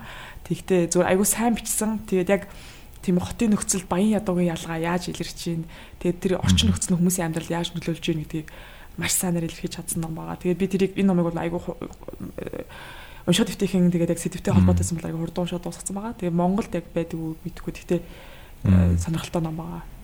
За тэгээд нөгөө санал болсон номуудыг нөгөө подкастынхаа тайлбар дээрээ нэр устаар оруулж орж учраас бас сайнх баха. За Баташгаа бас бүрэн танилцуулъя бас. Аа бас нэг нөгөө манай Васедагийн Японы бас хамгийн ялдартай их сургуулиудын нэг Васеда их сургуульд бизнес удирдлагаар магистр буюу MBA хийчээд за саяхан өнгөрсөн жил Англид Манчестер заас бас Английн том сургуулиудын нэг Манчестер их сургуульд би бол нөгөө нийтийн бодлого гэж хэлэх дуртай. Яг монголчлоод бол төрийн бодлого гэдэг а public policy-гаар магистр хийгээд ирсэн а бас бизнесийн салбарт маш олон жил стажинг мэрэгсэн менежер гэдэг нь байгаа. Тэгээд Батшиг ах ямар нам санал болгомоор байна. За би бол нөгөө их олон ном зэрэг уншдаг юм юу байхгүй юу? Буруу номтнуудын нэг байна. Залхуу маягаар уншдаг хүн байхгүй юу? Тэ 0 өрөөндөө нэг, 0 өрөөндөө нэг том өрөө гэдэг ингээд тэ машинд нэг мэг гэдэг ингээд яатсан. Зүгээр яг Миний юунд одоо би консалтинг дракер гэж ном уншиж байгаа. Энэ дракертай ойрхон ажиллаж байсан Уильям Кохан гэдэг бас менежмент консалтингийн хүн бичсэн ном баггүй юу? 2018 оны ном, шинэ ном. Тэг яг энэ ямар ач холбогдолтой юм бэ гэхээр би өөрөө одоо менежментийн консалтинг хийж байгаа учраас ер нь бол дракер талыг их уншдаг тийм концепцтэй учраас энийг таарж байгаа. Тэгээд яг мөн уншигчд сонсогчдод бол аль тал нь илүү сонирхолтой байх юм бэ гэхээр ер нь менежментийг зөвхөн бизнест яриха болцсон тийм менежментийг төрийн байгууллага нийтийн удирдлага төрийн бус байгууллага бүх юм менежмент ярьдаг болсон. Шүүд англи жишээлбэл Thatcher-ийн үед бол New Public Management гэх концепцийг бүр төрийн албадад оруулж ирсэн. Тийм бизнесийн уулын концепт шүү дээ. Тэг яг ер нь бол менежмент бүх л газар бий л дээ. Гэхдээ нэг Чингис мэгс гэж худлаа яриад яг одоо зарим улсын сүүлийн үед бас амар амар юмнууд яриад илээ. Тэрийг бол алгасаар. Өөрийнхөө энэ номтой холбоотой хэсгийг ярих юм бол ер нь консалтинг гэдэг э, бизнес ямар утгатай юм те? Энийг аль төвшөнд нь яаж хийх ёстой юм? Заавал том офис офистай хийдгүү энэ төр гэдэг их сонь сонь концепцэд орцсон дракерч өөрөө тийм маягаар явж исэн. Тэр тал а яг уу Нойлын өрөөнд байгаа нэг ном бас сананд орж илээ. Энэ нөгөө disruption гэдэг ном байгаа. Юуг юм мартчихж. Бүх юм disruptive thinking гэдэг юм руу явцсан байна тий. Яг уу зарим номууд дээр бол энийг яг serendipity гэж бас яригдсан зүйлүүд байна.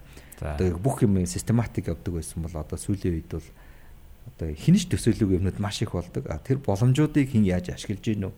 Тэр боломжийг өөртөө яаж олж харж гин олж харж гин үү те. Одоо ингээд коронавирусыг хүртэл одоо зарим компаниуд 11 сарын төгсгөлөөр нэг мэдэрсэн юмнууд бас уншигдж байгаа байхгүй юу? 12 сарын гэтэл officially 1 сарын хэднээс зарлагдаа явж идэг. Тэрний өмнө нэг юмч байдэн шүү дээ. Тэр зүйлүүд бас байгаад байгаа байхгүй. Тэгэхээр тэр disruption тэр ном надад их зүгээр санагдсан. Тэгээ яг хөтэ олон номнуудыг харьцуулж уншвал надад зүгээр сонирхолтой дүгнэлтүүд гардыг мөлөө гэж хардаг учраас тэгэж илүү их консалтинг менежментийн номнууд л би зөвлөж чадхаар байна. Тий, зөвхөн Монголоос гэх юм бол яг санаанд орхон байдгүй дээ. Тэгээ яг хуу strategy tools гэх бас нэг ном харж байгаа. Тэр нь 25 toolsтэй.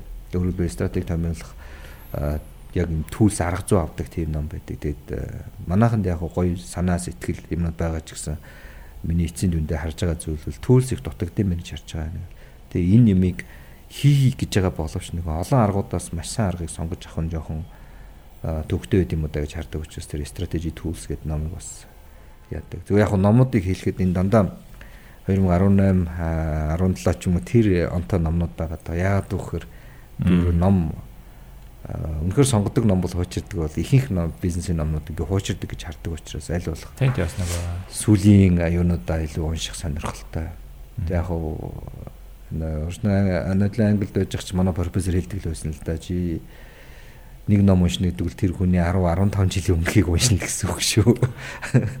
Тэгээ хэвлэгдсэн он нь эдий тийм болооч гэсэн. Тэгэхээр тэрийг байн бодчихоос номноос гадна артиклууд их уншиж байгаа. Тэр нь хамгийн сайн миний хардаг юм бол Harvard mentor pack-ийг илүү их унших гэх дуртай. Тэр нь менторинг юмнууд илүү их сайн орчдөг гэж харагдаж байгаа. Тэгэхээр бүүмэд одоо сонсож байгаа улсууд дотор илүү тэр төлийг сонирхдаг юм байд юм уу? Юу байж тараа гэж бодож байгаа. Одоо Би бас нэг сүүлийн би бас нэг өөрийн ганц ном санал болгох чинь. Аа би нэг сүүлийн бас өмнөх подкастн дугаар дээр хэлжсэн.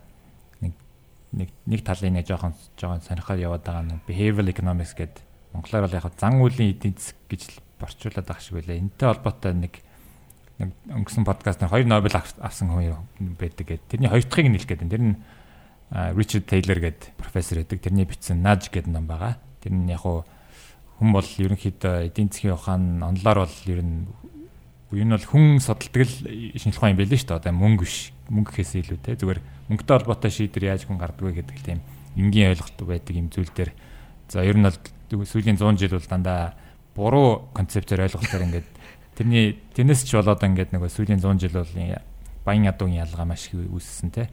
Тэгээ тийм утгаараа жоохон шин эдийн засгийн онол дотор нэг шинэ юм гарч ирж байгаа юм бэлээ. Зүгээр сонирхоо явж байгаа. Зүг бүрийг мэдгүй шүү та нэг надаараа нэг мухаа. Надаас яг зүгээр нэмэд хэлэхэд нодлонгийн нэг эдийн засгаар Нобель авсан Бенержи Дупло байгаа шүү дээ тий. Аа бас нэг ба. Тэр Poor Economics гэдэг ном байгаа шүү дээ. Тий тэрийг харах юм бол бас их сонин юу дүнэлт гарахаар юм билээ. Өөрөлдвөл ядуурлын шалтгаан бол ядуу сэтгэлгээ юмаа гэдэг нэг тийм агуулга руу илүү их явцсан юм билээ шүү дээ. Тий. Тэр нөгөө ядуу байгаа нь одоо залхуудаа биш одоо хайртай биш тэг өөрөө ядуудаа ядуу учраас л үргэлжлүүлээд ядуу байгаад байдаг. Буюу одоо нэг болоод байгаа санаад байгаа шатад л бол. Энэ дэр нөгөө нэг нэг судалгаа яадаг хүмүүстэй сонирхолтой байж магадгүй. Одоо нэг жилийн дотор хүний IQ бол ингээд маш дээшээ доошоо хилбэлцдэг. Тэр нэг жишээ нь болохоор нэг тариачин хүн те. Одоо Монголд одоо манай тариа хэмжих дургүй. За за яг нөгөө тэр нь болохоор зүгээр яг зөвхөн IQ-г нэг яач магадгүй зүгээр асын хараатай шийдвэр гаргаж байна богино хугацаатай шийдвэр гаргаж байна гэдээ ярьчих зүгээр IQ гэнэ. Тэндээ тариачин одоо чинь тариага хураахтаа нэг нэг дор бүх мөнгө авчдаг тий. А тэнгуүтэ тариалан тариалан ихээс өмнө бол хамгийн ядуу дээр байдаг үе. Тэгээ тэр үед дээр нь хамгийн их мөнгөтэй үед дээр хамгийн их мөнгөгүй үед дээр үе нэг жилийн дотор шүү дээ. Одоо тэр шалгалт авахлаарэ тэр IQ нөх юм одоо мэдгэдэггүйц маш доошлдог. Мөнгөгүй байх үедээ. Тэгэхээр мөнгөгүй байгаа үед хүн болохоор маш богино хугацааны өнөө маргааш шинэ шийдвэр дээр толгоогоо тархины бах намжаа ашигладаг. Аа мөнгөтэй байхлаарэ жоохон аа 5 жилийн дараах 10 жилийн дараах нэг мөрөөдч болдог. Мөрөөдлөөрөө ч юм уу те 20 жилийн дараа би нэг гоё баян болоод нэг хаустай болно ч юм уу те. Ийм шийдвэр гаргадаг юм байлээ л те. Тэрнээс болоод нөгөө нэг ядуу хүмүүсүүд нь ядуу хിവэр байгаад байдаг.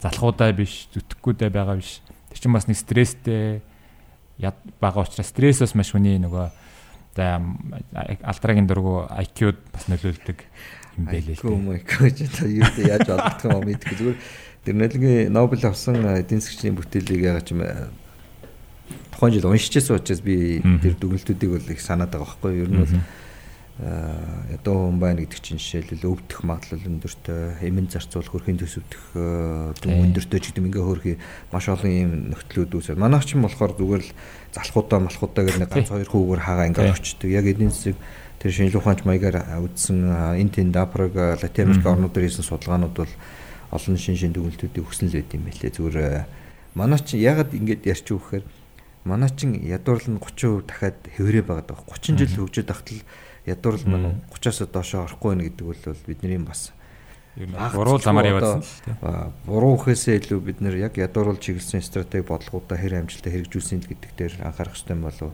магадгүй тэр асуудал нь бидний өнөөдөр ярьж байгаа явгууны зам дээр байгаа шонгийн тухай асуудлаас ч илүү айхтар serious асуудал мөн байх л гэж харсан учраас Яг гэхдээ хот төр ч гэсэн төлөвлөлт төр ч гэсэн яг ядуурлыг төвлөрсөн газар илүү их баг хөрөнгөөрөлт ирдэг. Тэр хэмжээгээрээ боловсрал боломжууд хязгаарлагдмал гэмт хэрэг өсөх магадлал их ихтэй байх магадaltaй гэдэг үг нь угаасаа батлагдаад батлагдаад явцсан байдаг. Тэгэхээр ядуу хүн бол илүү одоо хэцүү орчинд амьдардаг. Тэгээ тэр тэр тэнгууд нь бас улсаас ирдэг хөрөнгө оруулалт бага байдаг. Тэнгууд боломжууд нь бага байдаг гэдэг ингээд юм нэг цикл үүсчдэг угаасаа анзаардаг л та. Одоо энэс чинь бол нөгөө нэг а, хэдхэн жилийн өмнө одоо бүр маш радикал а, санаа хэлсэн нь болохоор universal basic in- income буюу хүн бүрт нь ингээд те одоо цалин шиг байгалийн баялагын одоо юу гэдэг вүлээ хишиг гэх юм уу одоо Монголын хөлбраар бол одоо хүн болгонд адилхан тэгшин гэдэг нэг тийм юу гэдэг одоо хишиг өртөөвэл одоо энэ нөгөө нэг баг зэрэг а, өнөө маргаашийнхаа хоол биш маргаашийнхаа хоолыг үгүй өнөөдрийнхээ хоолой биш нөгөөдрийнхөө хоолдоо саран завдаг болчих бас нэг жоохон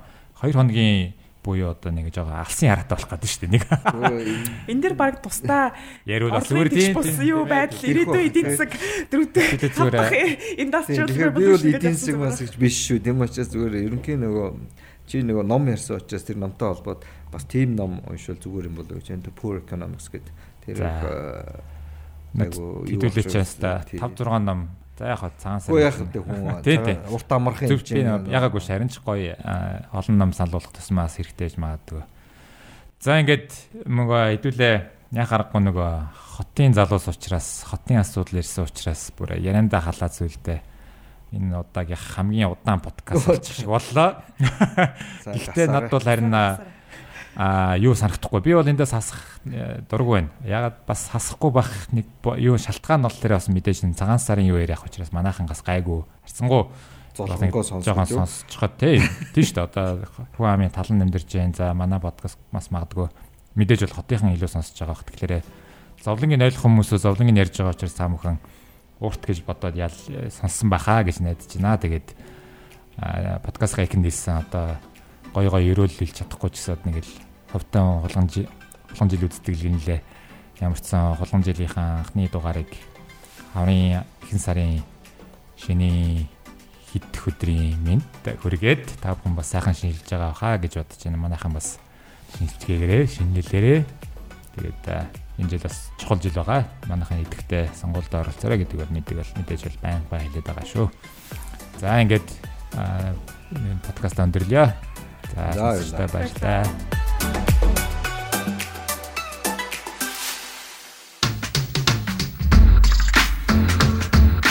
Уухай подкаст.